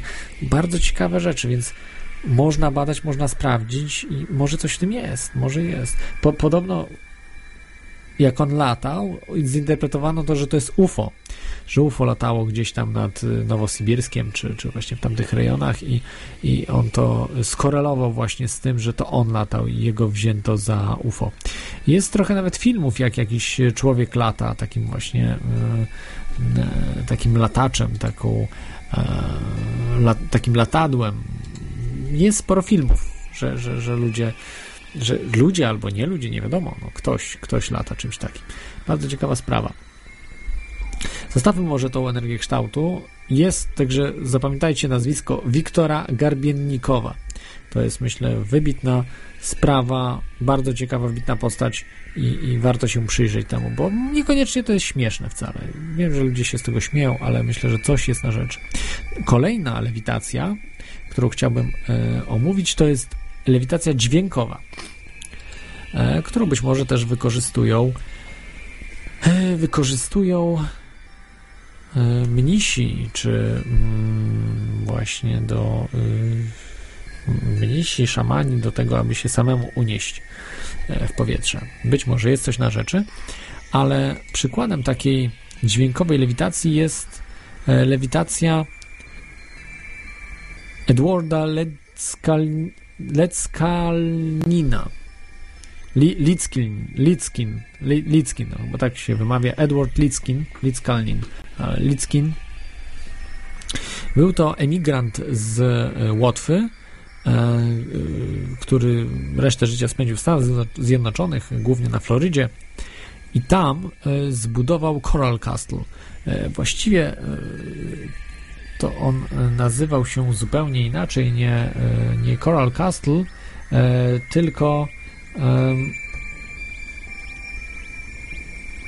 o, a, już wypadło mi, także Także, także niestety, no, y, w każdym razie inna była nazwa. Ja może nie będę tutaj omawiał dokładnie, czym jest ten Coral Castle. Jest to po prostu zbudowane y, megalityczne, jakby nowoczesne megalityczne miasto, czyli nie tyle miasteczko, co, co, co budowla megalityczna zbudowana w XX wieku. Odsyłam Was do audycji, bardzo dobrej audycji kapitana Radia na Fali Tomka, audycji Hiperprzestrzeń, gdzie to było dokładnie omówione E, ta sprawa e, właśnie e, Eda Litskielnina i jego właśnie zamku koralowego, Coral Castle. Ale to jest to najciekawsze to w tym, że prawdopodobnie właśnie używał lewitacji dźwiękowej, czyli akustycznej, ale w sposób, który, którego dzisiaj nie rozumiemy kompletnie. On napisał książkę o tym, jak nie książkę wprost, dokładnie jak i co robić, ale taką nakierunko, nakierunkowującą nas, gdzie szukać jak to robić. On używał wzmacniaczy elektromagnetycznych różnych, e, ale też dźwięku. Wiem, że świadkowie dzieci, na przykład, które widziały e, to, jak on e, po prostu podnosi te kamienie. On wzrostu miał 1,50 m, ważył 50 kg, także był bardzo mm, wątłej postury kamienie najcięższe, te, które ważyły 35 ton, średnio 7-10 ton, 10-tonowe e, nierzadko e, głazy, które, które przenosił sam. Nikt mu w tym nie pomagał. Być może pomagał gdzieś w utajeniu, no nie wiemy, ale do prze, przewożenia i przenoszenia takich głazów wymagane są potężne maszyny, dźwigi to nie są żarty, to naprawdę jest, no... Egipcjanie też sobie jakoś poradzili, prawda? Też mieli i, i, i 100-tonowe chyba, i 40-tonowe e, e, obiekty i nawet jeszcze cięższe, które też wnosili na górę i umieszczali na górze gdzieś. E, ale tutaj mówimy o jednym człowieku, tam było ludzi, były, były setki, tysiące osób, natomiast tutaj jest pojedynczy człowiek i on e, właśnie podobno śpiewał, podobno jakieś takie dźwiękowo e, podnosił te, te, te, te głazy, wykorzystując też swoje maszyny jakieś różne elektromagnetyczne, które też mu pomagały w tym. E, to dzieci, dzieci za, zaobserwowały to i, i, i doniosły, że coś takiego ma miejsce. Bardzo ciekawa historia, także jest to na Florydzie. Ten zamek do dzisiaj stoi, jest atrakcją turystyczną Florydy, więc polecam Wam E, tą sprawę, żeby zainteresować się tą lewitacją dźwiękową. E, Ed, Edward e, Litzkalnin, on twierdził, że te piramidy i inne różne megality bardzo często były budowane właśnie w taki sposób, jak on budował, czyli wykorzystując właśnie tą dźwiękową lewitację. Czy też może elektromagnetyczną lewitację powiązaną z nią, ale jednak opartą w jakimś, jakimś stopniu na dźwięku. Mamy jeszcze elektromagnetyczną y, lewitację, nie kompletnie nieakceptowaną przez naukę, tak zwany efekt Hutchinsona. W latach 80. em, niejaki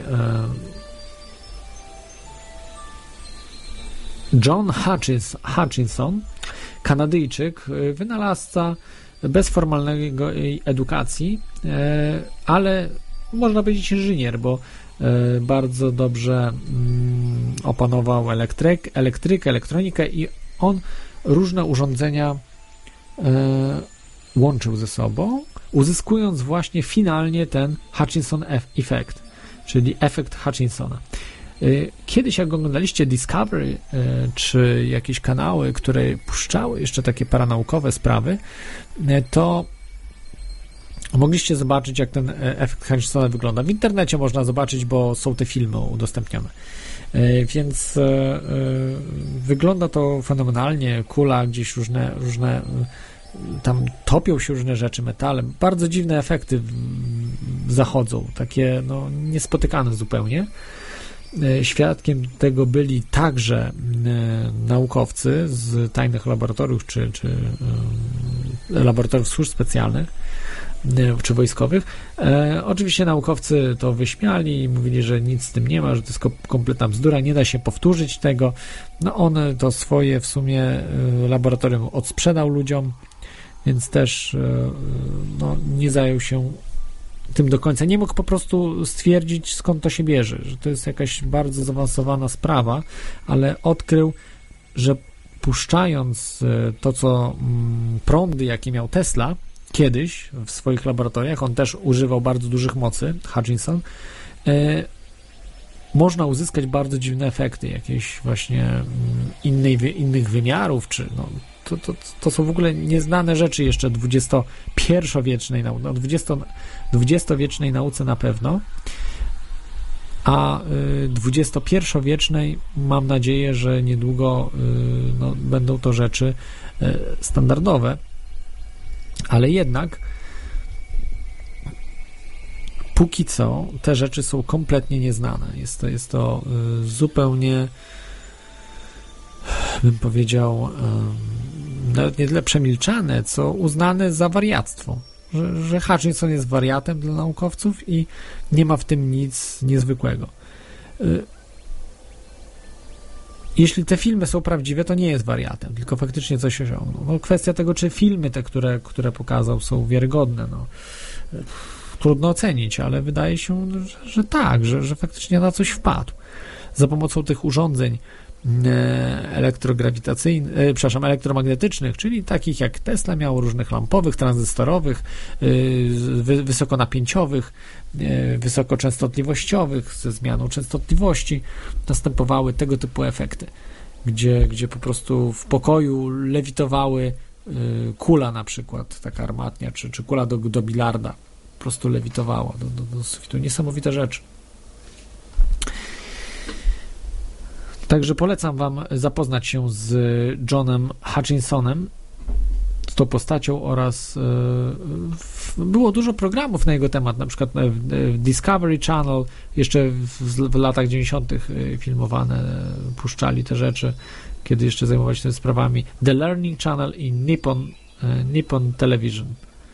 E, To prawdopodobnie japońska telewizja. Teraz bym przeszedł już do ostatniej e, lewitacji nienaukowej, czyli takiej paranormalnej lewitacji, ale w przyszłości myślę, że będzie jak najbardziej normalną. Jest to antygrawitacja, czyli lewitacja antygrawitacyjna. Zastosowanie już zupełnie antygrawitacji. Nauka troszeczkę wspomina o antygrawitacji, że niby może być, ale raczej nie że y, Newton zakazuje tego, Einstein formalnie też, e, że, że, że energia całkowita również jest dodatnia, że nie ma oddziaływania odpychającego w grawitacji, jest tylko działanie przyciągające. E, Nau, e, naukowcy doszli do tego, że jeśli będziemy mieli e, jakąś e, materię o ujemnym ciśnieniu. Do, do, dotychczas, do dzisiaj nie jest odkryta ona, ale hipotetycznie można sobie wyobrazić taką materię o ujemnym ciśnieniu. Wtedy na pewno będzie nastąpi zjawisko antygrawitacji. E, siły niegrawitacyjne przeciwdziałające ciążeniu. E, ta antygrawitacja inny niż oparte o siłę odrzutu i spalania paliwa wodorowego i jądrowego. Być może właśnie te elektromagnetyczne zjawiska, y, które, które y, spowodują ten efekt antygrawitacyjny. E, no, także to są bardzo ciekawe to są bardzo ciekawe rzeczy związane z antygrawitacją. Tu mam parę, parę takich kwestii do powiedzenia. Bo myślicie, że no UFO musi mieć, mieć coś związanego z antygrawitacją, ale za chwilkę dojdziemy do tego takiego standardowego UFO kosmitów, y, latającego spotka tak zwanego. Wróćmy jeszcze chwilę do XX wieku. E, były niesamowite rzeczy. W latach 40. E, Niemcy, według niektórych badaczy, na przykład Igora Witkowskiego, y, dokonali przełomu w napędach nie odrzutowych, ale właśnie w, w napędach, w dziedzinie napędów. I odkryli y, Die Glocke, czyli y, dzwon, taki napęd, który był napędem antygrawitacyjnym właśnie. E, na nim były oparte tak zwane Foo-Fightery, czyli E, świecące kule, które straszyły aliantów. One tak naprawdę nic nie robiły, jedynie zakłócały e, e, zakłócały aparaturę na, na pokładzie aliantów, statków aliantów. No, oraz straszyły mocno aliantów, bo ich wygląd był niesamowity. Nie były żadne samoloty, a po prostu świecące kule. Wyjaśnienie tego bo wydaje się, no jak świecące kule Niemcy robili, czy ty jesteś, Klodzie, normalny? Tak pewnie ktoś może sobie pomyśleć. Tak, no można to bardzo prosto wyjaśnić. Po pierwsze, świecenie y, spowodowane najprawdopodobniej było plazmą, że dookoła y, tej kuli wytwarzała się plazma, w zjawisku takim, jakim jeszcze nie rozumiemy. A napęd z kolei y, też wiemy, jaki był, ze względu na to, iż Niemcy korzystali z wiedzy starożytnych. Nie wiadomo jakich starożytnych, ale z starożytnych Wed, z y, opisów y, też buddystów, y, znaczy buddyjskich. Być może właśnie te wyprawy do Tybetu po to właśnie służyły, aby uzyskać więcej informacji na temat tych napędów i być może uzyskali też napęd. Ale jak on, jak on działał? To bardzo prosto da się wyjaśnić. Była tam e, bardzo szybko krążąca w przewodach rtęć. E, rtęć jest metalem e, przewodzącym prąd. I jeśli bardzo szybko rozpędzimy tą rtęć w, w torusie, to uzyskamy, o dziwo, niesamowite właściwości. Antygrawitację, tak, właśnie uzyskamy antygrawitację. E, zacznie, wytworzy się pole e, do, dookoła tego statku elektromagnetyczne, czy ogólnie e, jakieś dziwne, dziwne rzeczy zaczną się dziać i będzie ta plazma, po, pojawi się plazma na, na, na czubku, czy, czy gdzieś dookoła tego, tego urządzenia, które mamy, te, te, tego Foo Fightera, będzie po prostu świeciło dla nas a tak naprawdę to y, świecenie wynika z, z efektu ubocznego, bo wydaje mi się, że raczej Niemcy nie chcieli, żeby te obiekty świeciły, tylko żeby latały, a żeby były niewidoczne i bardziej się mogły się za gdzieś ukryć. E, natomiast, natomiast one świeciły. No i takie jest wyjaśnienie. I, i wyobraźcie sobie, że w Wedach są właśnie te opisy, że e, krążąca rtęć bardzo szybko e, obracająca się rtęć, tam jeszcze była mika, chyba też jakieś inne różne substancje. E, I, i, I, to Niemcom się udało zrealizować, że, że, że był ten silnik antygrawitacyjny, efekt. Z czego on wynika? Nikt nie wie i nie wiadomo, czy to jest prawdą, ale nikt nie bada. Wyobraźcie sobie, nikt, absolutnie nikt z naukowców nie weźmie rtęci i nie rozpędzi jej do kilkunastu tysięcy y, obrotów. W toroidalnym y, urządzeniu wielkości na przykład metra, żeby było dosyć spore, bo to chodzi o to, żeby to, to ten efekt właśnie jest im większy, tym y, podobny jest efekt lepiej widoczny, czyli jak będziemy pomniejszali, ten efekt będzie dużo mniejszy. Y, więc bardzo, bardzo ciekawa, bardzo ciekawa rzecz. Kolejny zbliżona, kolejna, kolejna zbliżona rzecz do tych Foo Fighterów to, jest, to są modele, działające właśnie modele, e, a właściwie statki e, powietrzne Johna Searla. Może z Was e, ktoś pamięta Johna Searla, jeszcze żyje do dzisiaj, jeśli, jeśli ostatnio sprawdzałem, że, że wszystko jeszcze ok jest z nim, a już jest niestety wiekowy. On w latach 60. zbudował, budował obiekty latające w kształcie spotków, które mm, po prostu latały jak spotki. Może nie do końca latały jak spotki, bo te przeciążenia były i tak dalej, ale unosiły się, po prostu lewitowały jak spotki. I nie wykorzystywały jakiegoś odrzutu, jakichś innych, innych znanych, czy także nie, nie stosowały um, odrzutu jonów, czyli to nie były jonoloty, tylko były to y, normalne latające spotki. One miały napęd y, za pomocą magnesów. Okazywało, okazało się, że y, przy odpowiednim rozpędzeniu magnesów, które odpowiednio też zaprojektujemy, y, system sam napędza się. To znaczy jest, y, wytwarza się energia, nie wiadomo skąd i cały czas te e, elektrom właściwie to były magnesy, nawet nie tyle elektromagnesy, one po prostu cały czas szybciej się rozpędzały. Szybciej, szybciej, jeszcze szybciej i tak dalej, tak dalej, tak dalej. I dzięki temu y, dodatkowo właśnie on się unosił. Ten, ten obiekt się unosił przez to. Następował efekt antygrawitacyjny. Y, także wy, wykorzystujący y, efekt elektromagnetyczny, który przekształcał się w antygrawitację. Trudno powiedzieć, ile w tym prawdy jest, trochę zdjęć, były opisy w gazetach, to nie jest po prostu, że on sobie to wymyślił i tego nigdzie nie było, to, to opisywała y, czy BBC, BBC może, chyba tak, chyba nawet telewizja, telewizja zrobiła jakiś tam o tym reportaż, a w gazetach było to szeroko opisywane w latach 60., także to, to nie to, że, że, że ten, ten facet jest znikąd, John Searle, że, że, że jest to jakiś wymysł, po prostu to miało na serio miejsce. I e, no, jest to związane z antygrawitacją. Te dwa właśnie, że te dwie rzeczy najbardziej.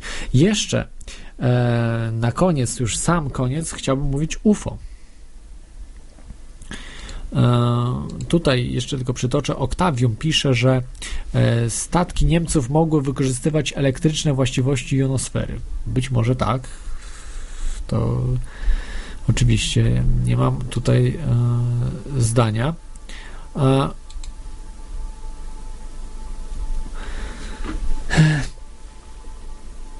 nie mam zdania, nie mam wiedzy, tak? Czy, czy tak mogło być, czy nie. To już, to już do fachowców odsyłam. Ale e, o UFO, tych statkach kosmitów, czyli latających spotkach, umówmy się. To, to są latające spotki i wiemy, że one nie posługują się znaczy posługują się lewitacją na 100%. Bo wie, wiemy, że one lewitują. Mogą się unosić, w jednym miejscu mogą stać przez bezgłośnie przez godzinę. E, nie ma problemu, mogą sobie latać jak chcą i, i jest tutaj lewitacja, jak najbardziej. Pytanie tylko, jaka? E, uważam, że wszystkie naukowe, które są przytoczone naukowe metody, można wykreślić czyli ciśnieniową, nadprzewodnictwo, magnetyczną, elektromagnetyczną, akustyczną, optyczną, które znamy, wykreślamy. To nie jest to. To jest zupełnie coś innego. Ale e, mamy nienaukowe, które możemy wykorzystać. I tak, mamy medytacyjną religijną.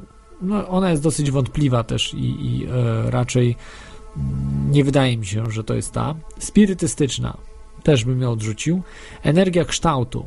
Mm, wydaje się mało. Yy, może, ale, ale raczej też nie sądzę, bo wyglądają dosyć nowocześnie te, te, te, te statki i nie ma tam żadnych jakichś e, jamek, któ- które, któ- które UFA miałyby gdzieś jakieś dziurki, prawda, i żeby tu, ten, tą energię kształtu wykorzystywały. Dźwiękową, e, z reguły są bezgłośne albo mają specyficzny dźwięk, ale, ale raczej, raczej to też nie jest dźwięk.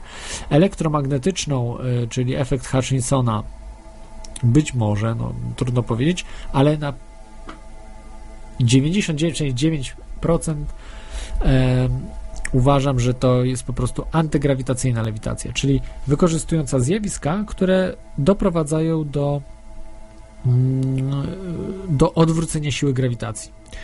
E, I najprawdopodobniej są właśnie tego typu efekty, które były w Foo Fighterach, być może w, tym, w tych modelach Johna Searla, może jeszcze coś innego, ale z tym związane rzeczy. Na pewno y, działa to tak, że włączamy, wyłączamy grawitację. Prze, przełączamy, tak jak w maglewie, y, żeby unosił się w tym maglewie elektromagnetycznym. Właśnie jest tak zastosowane, że jest przełączanie biegunów. Pach, pach, pach, pach, pach, pach, czyli przyciąganie, odpychanie, przyciąganie, odpychanie.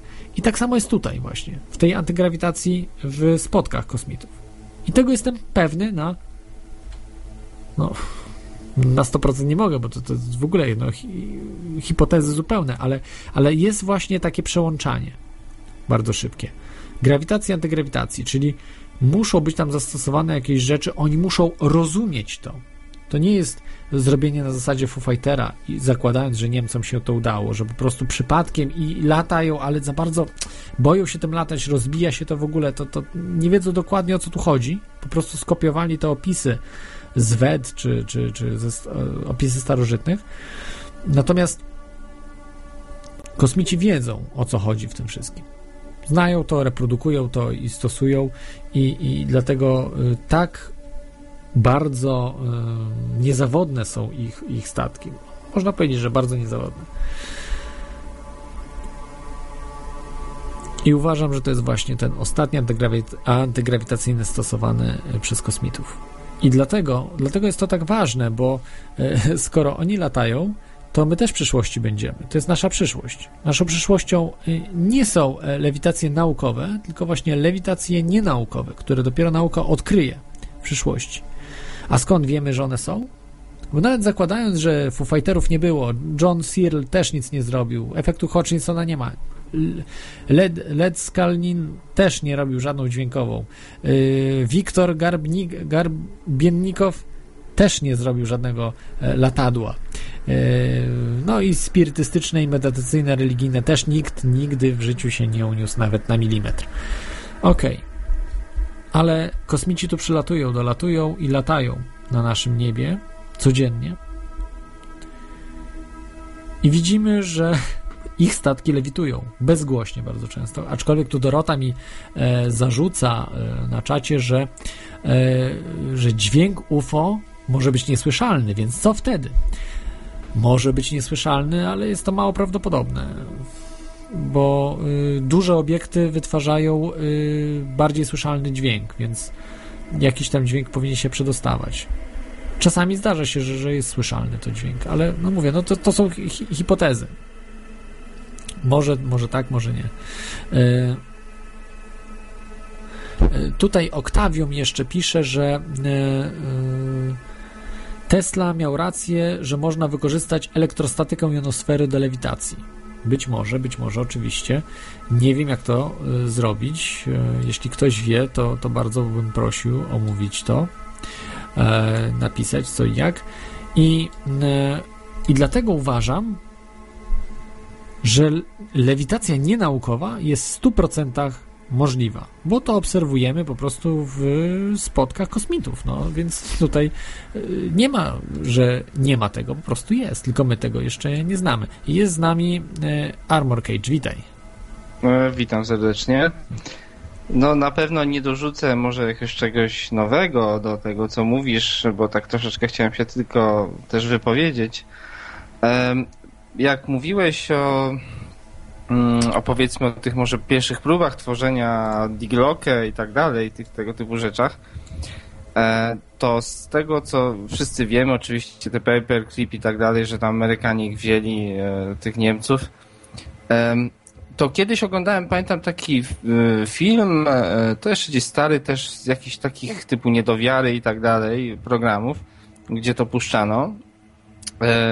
I gdzie jakiś tam człowiek się bawił troszeczkę wysokimi właśnie napięciami i można powiedzieć, że podłączył pod coś w rodzaju parasola czy, czy czegoś tego typu, powiedzmy, co by miało konstrukcję ala balon, e, tylko że z drutów e, pokrytych na przykład jakąś folią, czymś takim, przy podłączeniu odpowiednio wysokich napięć, to zaczynało to latać. E, to już chyba o tym wspominałem kiedyś, czy rozmawialiśmy w ogóle o tym w którejś z audycji i to, to było takie rozważanie, jakie to są energie, co wchodzi w to, czy, czy jakaś antygrawitacja na czymś polega, jak to jest w ogóle z tą grawitacją, bo ciężko jest do końca określić, co, co na nią wpływa, no nie? To tutaj później, na przykład jak oglądałem jakieś y, filmy o UFO, jakieś tego typu rzeczy, e, chodzi o dokumenty konkretne, też była mowa często o tym, że o takich metodach napędów właśnie antygrawitacyjnych, magnetycznych. I o tym, że nieraz się tworzyło coś w rodzaju takiej, no może nie cewki, ale czegoś tego typu, gdzie przy odpowiednim tam napięciu to rzeczywiście się rozgrzewało bardzo mocno, ale to zaczynało się unosić. Po prostu. I było wiele takich informacji o tym i zdjęć pokazanych, gdzie te UFO gdzieś tam sfotografowane, kiepskie, bo kiepskie, ale jakieś opisy świadków, świadczyły o tym, że ten spód tego UFO się tak jakby yy, świecił, no nie? Był taki rozżarzony. Więc kto wie, mogły to być jakieś testy, powiedzmy, nasze ziemskie, te pierwsze, pierwotne takie próby utworzenia nie? Tych, tych, tych statków. No, jak to jest tak do końca ciężko powiedzieć, bo ich technologia, powiedzmy tych obcych, jeżeli oni przylatują tu i tak dalej, bo ja uważam, że przylatują, e, to jest na pewno na znacznie wyższym poziomie niż nasza i bardzo często my nie obserwujemy ich, tylko nasze próby raczej, nie? Bo oni na pewno na tym swoim poziomie też i potrafią się ukryć przed nami w sensie niewidzialności, nie? Wiesz, e, owszem, myślę, że tak, ale myślę, że po prostu pokaz tego, że oni są, to jest po prostu pobudzanie y, naszej inteligencji. Mhm. To tak jak w filmie Odyseja Kosmiczna y, 2001, gdzie jest ten czarny y, monolit, który pobudza inteligencję małp, czy takich mał, małpoludzi. Mhm. I, I od tego momentu zaczyna się po prostu jakaś inteligencja, że, że od tego momentu one rozumieją, że, że po prostu wszechświat jest inny. To nie jest tylko mm. życie, które, które mają, ale jeszcze coś innego jest. I, I myślę, że to właśnie jest w ten sposób, że mogą się oczywiście ukryć, ale nie robią, czasem robią, owszem, ale, ale często nie. Po prostu często pokazują swoją obecność, żeby, żebyśmy my wiedzieli, że, że, że nie jesteśmy pępkiem świata, że tu cywilizacja to nie jest wszystko że, że znaczy, mhm. jesteśmy tak naprawdę dziećmi dopiero, które wchodzą do e, wielkiej e, grupy cywilizacji, które już funkcjonują od dawna, od, od milionów, nawet być może miliardów lat i, i tak naprawdę jesteśmy takimi no dopiero niedorozwojami, które potrzebują pomocy no tak. w jakimś oni, sposób. Oni by nas mogli uznać za jaskiniowców troszeczkę. No, raczej tak. Ale mm, a propos jeszcze mm, może tego początku twojej audycji, bo to też e, stały słuchacz, e, który często do, mm, wiem, że dzwonił do innych audycji tego typu, jak do Nautilusa, to on e, wspominał o tym, że też takie dziwne by było, gdyby istniała taka maszyna do kopania tuneli, e, pamiętasz, te, na energię atomową, a przecież też fajną robiłeś audycję odnośnie podziemnych tuneli, prób ich stworzenia. Przecież są na to patenty rzeczywiście, ja to też podchwyciłem, jak robiłem swoją audycję i też to użyłem jest dużo, są nawet te fotki, no nie, jakichś niby ludzi, którzy rzeczywiście stoją przy takiej maszynie i wiele wskazuje na to, że ona istnieje, jeżeli patenty są na nią, no to ktoś mógł się pokusić o, o jej skonstruowanie, a to, że o tym nie trąbi się powiedzmy w TVN-ie, to nie znaczy, że to nie istnieje. I tu tak samo w drugą stronę, z tym UFO, o którym ja mówiłem i tak dalej, to też przytaczali ludzie, to ci interesujący się tym strefą, powiedzmy bazą tam top 51 i tak dalej, tego typu rzeczami, że ile lat y, wcześniej bawili się oni z tymi technologiami, które mamy obecnie, czyli na przykład ten bombowiec B2, takie rzeczy, wiesz, nie wykrywane dla radarów i tak dalej. No to pewnie lata to 50 mieli... 60 No jeszcze nawet wcześniej oni się tym bawili, a to dopiero teraz wyszło, dopiero teraz to mamy. Oni i od ilu tam lat, no nie, teraz to już ciężko jest określić, to jest 60, 70 lat, można powiedzieć, mają zabawę powiedzmy z technologiami typu UFO, więc ciężko jest teraz uważać, że do niczego nie doszli, no nie? Yy, tak, no to, to są duże zagadki, czy, czy faktycznie na przykład te trójkąty czarne to, to, to są ziemskie, czy, czy są kosmitów. Ja się z tą zgadzam, że to jest tak, że część z nich to, to oni po prostu się pokazują nam, żeby żebyśmy jakby myśleli o tym, że, że, że nie jesteśmy sami, no nie? Yy, Wiesz, no tak, to, to może być, to jest, to jest trudno powiedzieć, yy, jak jest, bo e, trudno orzec, ja- jakie mają intencje, jakie mają e, kosmici, prawda, jakieś wobec nas zamiary, e, czy, Mhm. czy, czy chcą, prawda, na, nas pobudzić, czy chcą nastraszyć trochę, czy po prostu testują. Tak. Testują, To czy, jest- czy w ogóle będziemy dalej temat- małpami przez, przez, wiesz, przez dalej 100 lat, czy, czy się no obudzimy jest trochę, straszny. Kto wie, czy u nich NWO nie zwyciężyło na przykład i się nie zgadali z naszymi. na przykład. Także tylko, że my musimy się na to zgodzić, o na takiej na przykład zasadzie, że my przyjąć musimy to jarzmo, a nie na przykład musi być to narzucone, no nie? Więc, więc kto wie, może są jakieś prawa takie dodatkowe, kosmiczne, nie wiem, które gdzieś tu o- sterują, a my o tym jeszcze nie wiemy, bo nie, nie za bardzo jarzymy takie rzeczy. Ale dobra, y, może wracając do tematu, bo trochę mi to umknęło, powiem ci szczerze na końcu, bo ty to jeszcze poszeregowałeś, te wszystkie różne y, metody lewitacji i tak dalej. K- W końcu, którą uważasz za tą naj, najbardziej taką związaną z kosmitami, z naszą przyszłością, z tym, co jest najbardziej prawdopodobne, a, a, albo mniej? Myślę, że absolutnie tą antygrawitacyjną, y, w tym sensie każda z nich w jakimś sensie jest antygrawitacyjna, prawda? Ale antygrawitacyjna, że wytwarza się siłę antygrawitacji, a nie siłę przeciwdziałającą grawitacji. Czyli, czyli po prostu wytwarzamy ujemną grawitację. I, I myślę, że to są właśnie mm, te rzeczy, które y, no, nie wiadomo na czym, na czym są. Y, Na, na przykład ten, y, ten gość Bob Lazar, który y, uważam, że no nie, jest wiarygodny, ale, ale powiem, co on mówił. On, on twierdzi, że napęd antygrawitacyjny wytwarza się za pomocą y, reaktora jądrowego y, antymaterii. Czyli mamy pierwiastek o numerze 115, który tak naprawdę nie został do końca wy, wytworzony. Dostał, został jakiś tam izotop, ale nie taki, co, co, co mówił em, Bob Lazar. W każdym razie mamy ten, tą anty, antymaterię. Z tej antymaterii y, uzyskujemy proton, który uderza w antyproton.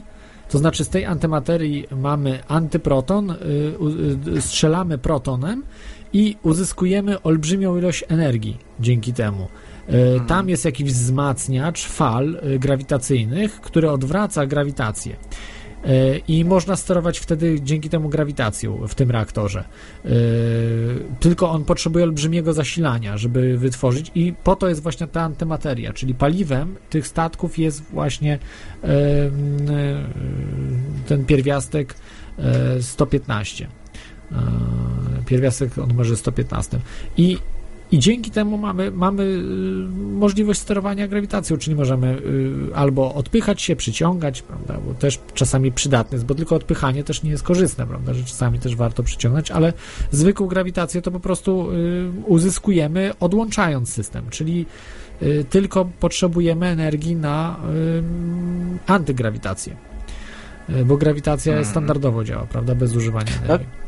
Znaczy, no tu Bob Lazar to też ciężko powiedzieć, czy on w końcu No tak, mówił prawdę, nieprawdę. prostu, czy to prawda, czy Mm, nieprawda, Phil ale Schneider też mówił przecież o różnych pierwiastkach, które teoretycznie, których nie ma, powiedzmy, czy, czy, czy zabawy różne jakieś, które podobno były albo nie było i to też ciężko e, go wyczuć, szczególnie biorąc pod uwagę te różne jego historie takie dosyć no niewiarygodne, no nie?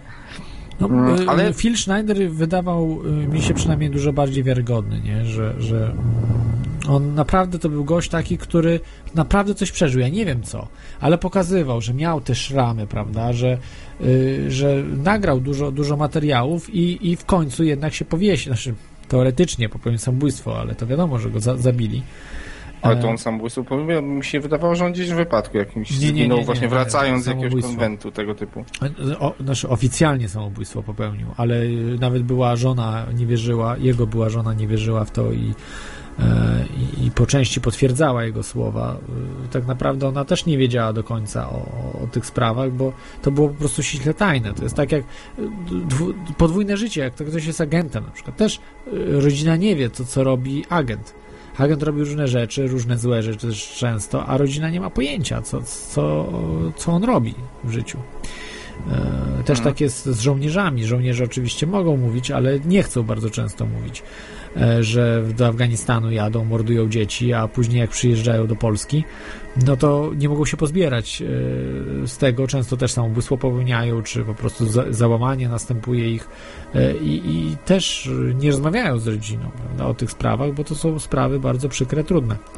I, i, I tak samo tam mogło być właśnie w przypadku Phila Schneidera, że E, e, no, po prostu to du duża część, a może i wszystko było prawdą po prostu. No, nawet jeżeli ułamek tego, co on przeżył, było prawdą, to jest niesamowite. On po prostu takie rzeczy opowiadał, że, że, że no, to jest kosmos. No, to, to są rzeczy z, z, czaso, z czasopis science fiction, czy, czy z książek science fiction wręcz. Tak, ale to, to tak jak z tym e, takim powiedzeniem, no nie, że te największe spiski nie muszą być ukrywane, no bo tak, to jest, jak to mówiłeś zawsze i to też jest znane przecież, że niedowierzanie ludzkości e, powoduje, że nie muszą być ukrywane, nie? Tak sparafrazując.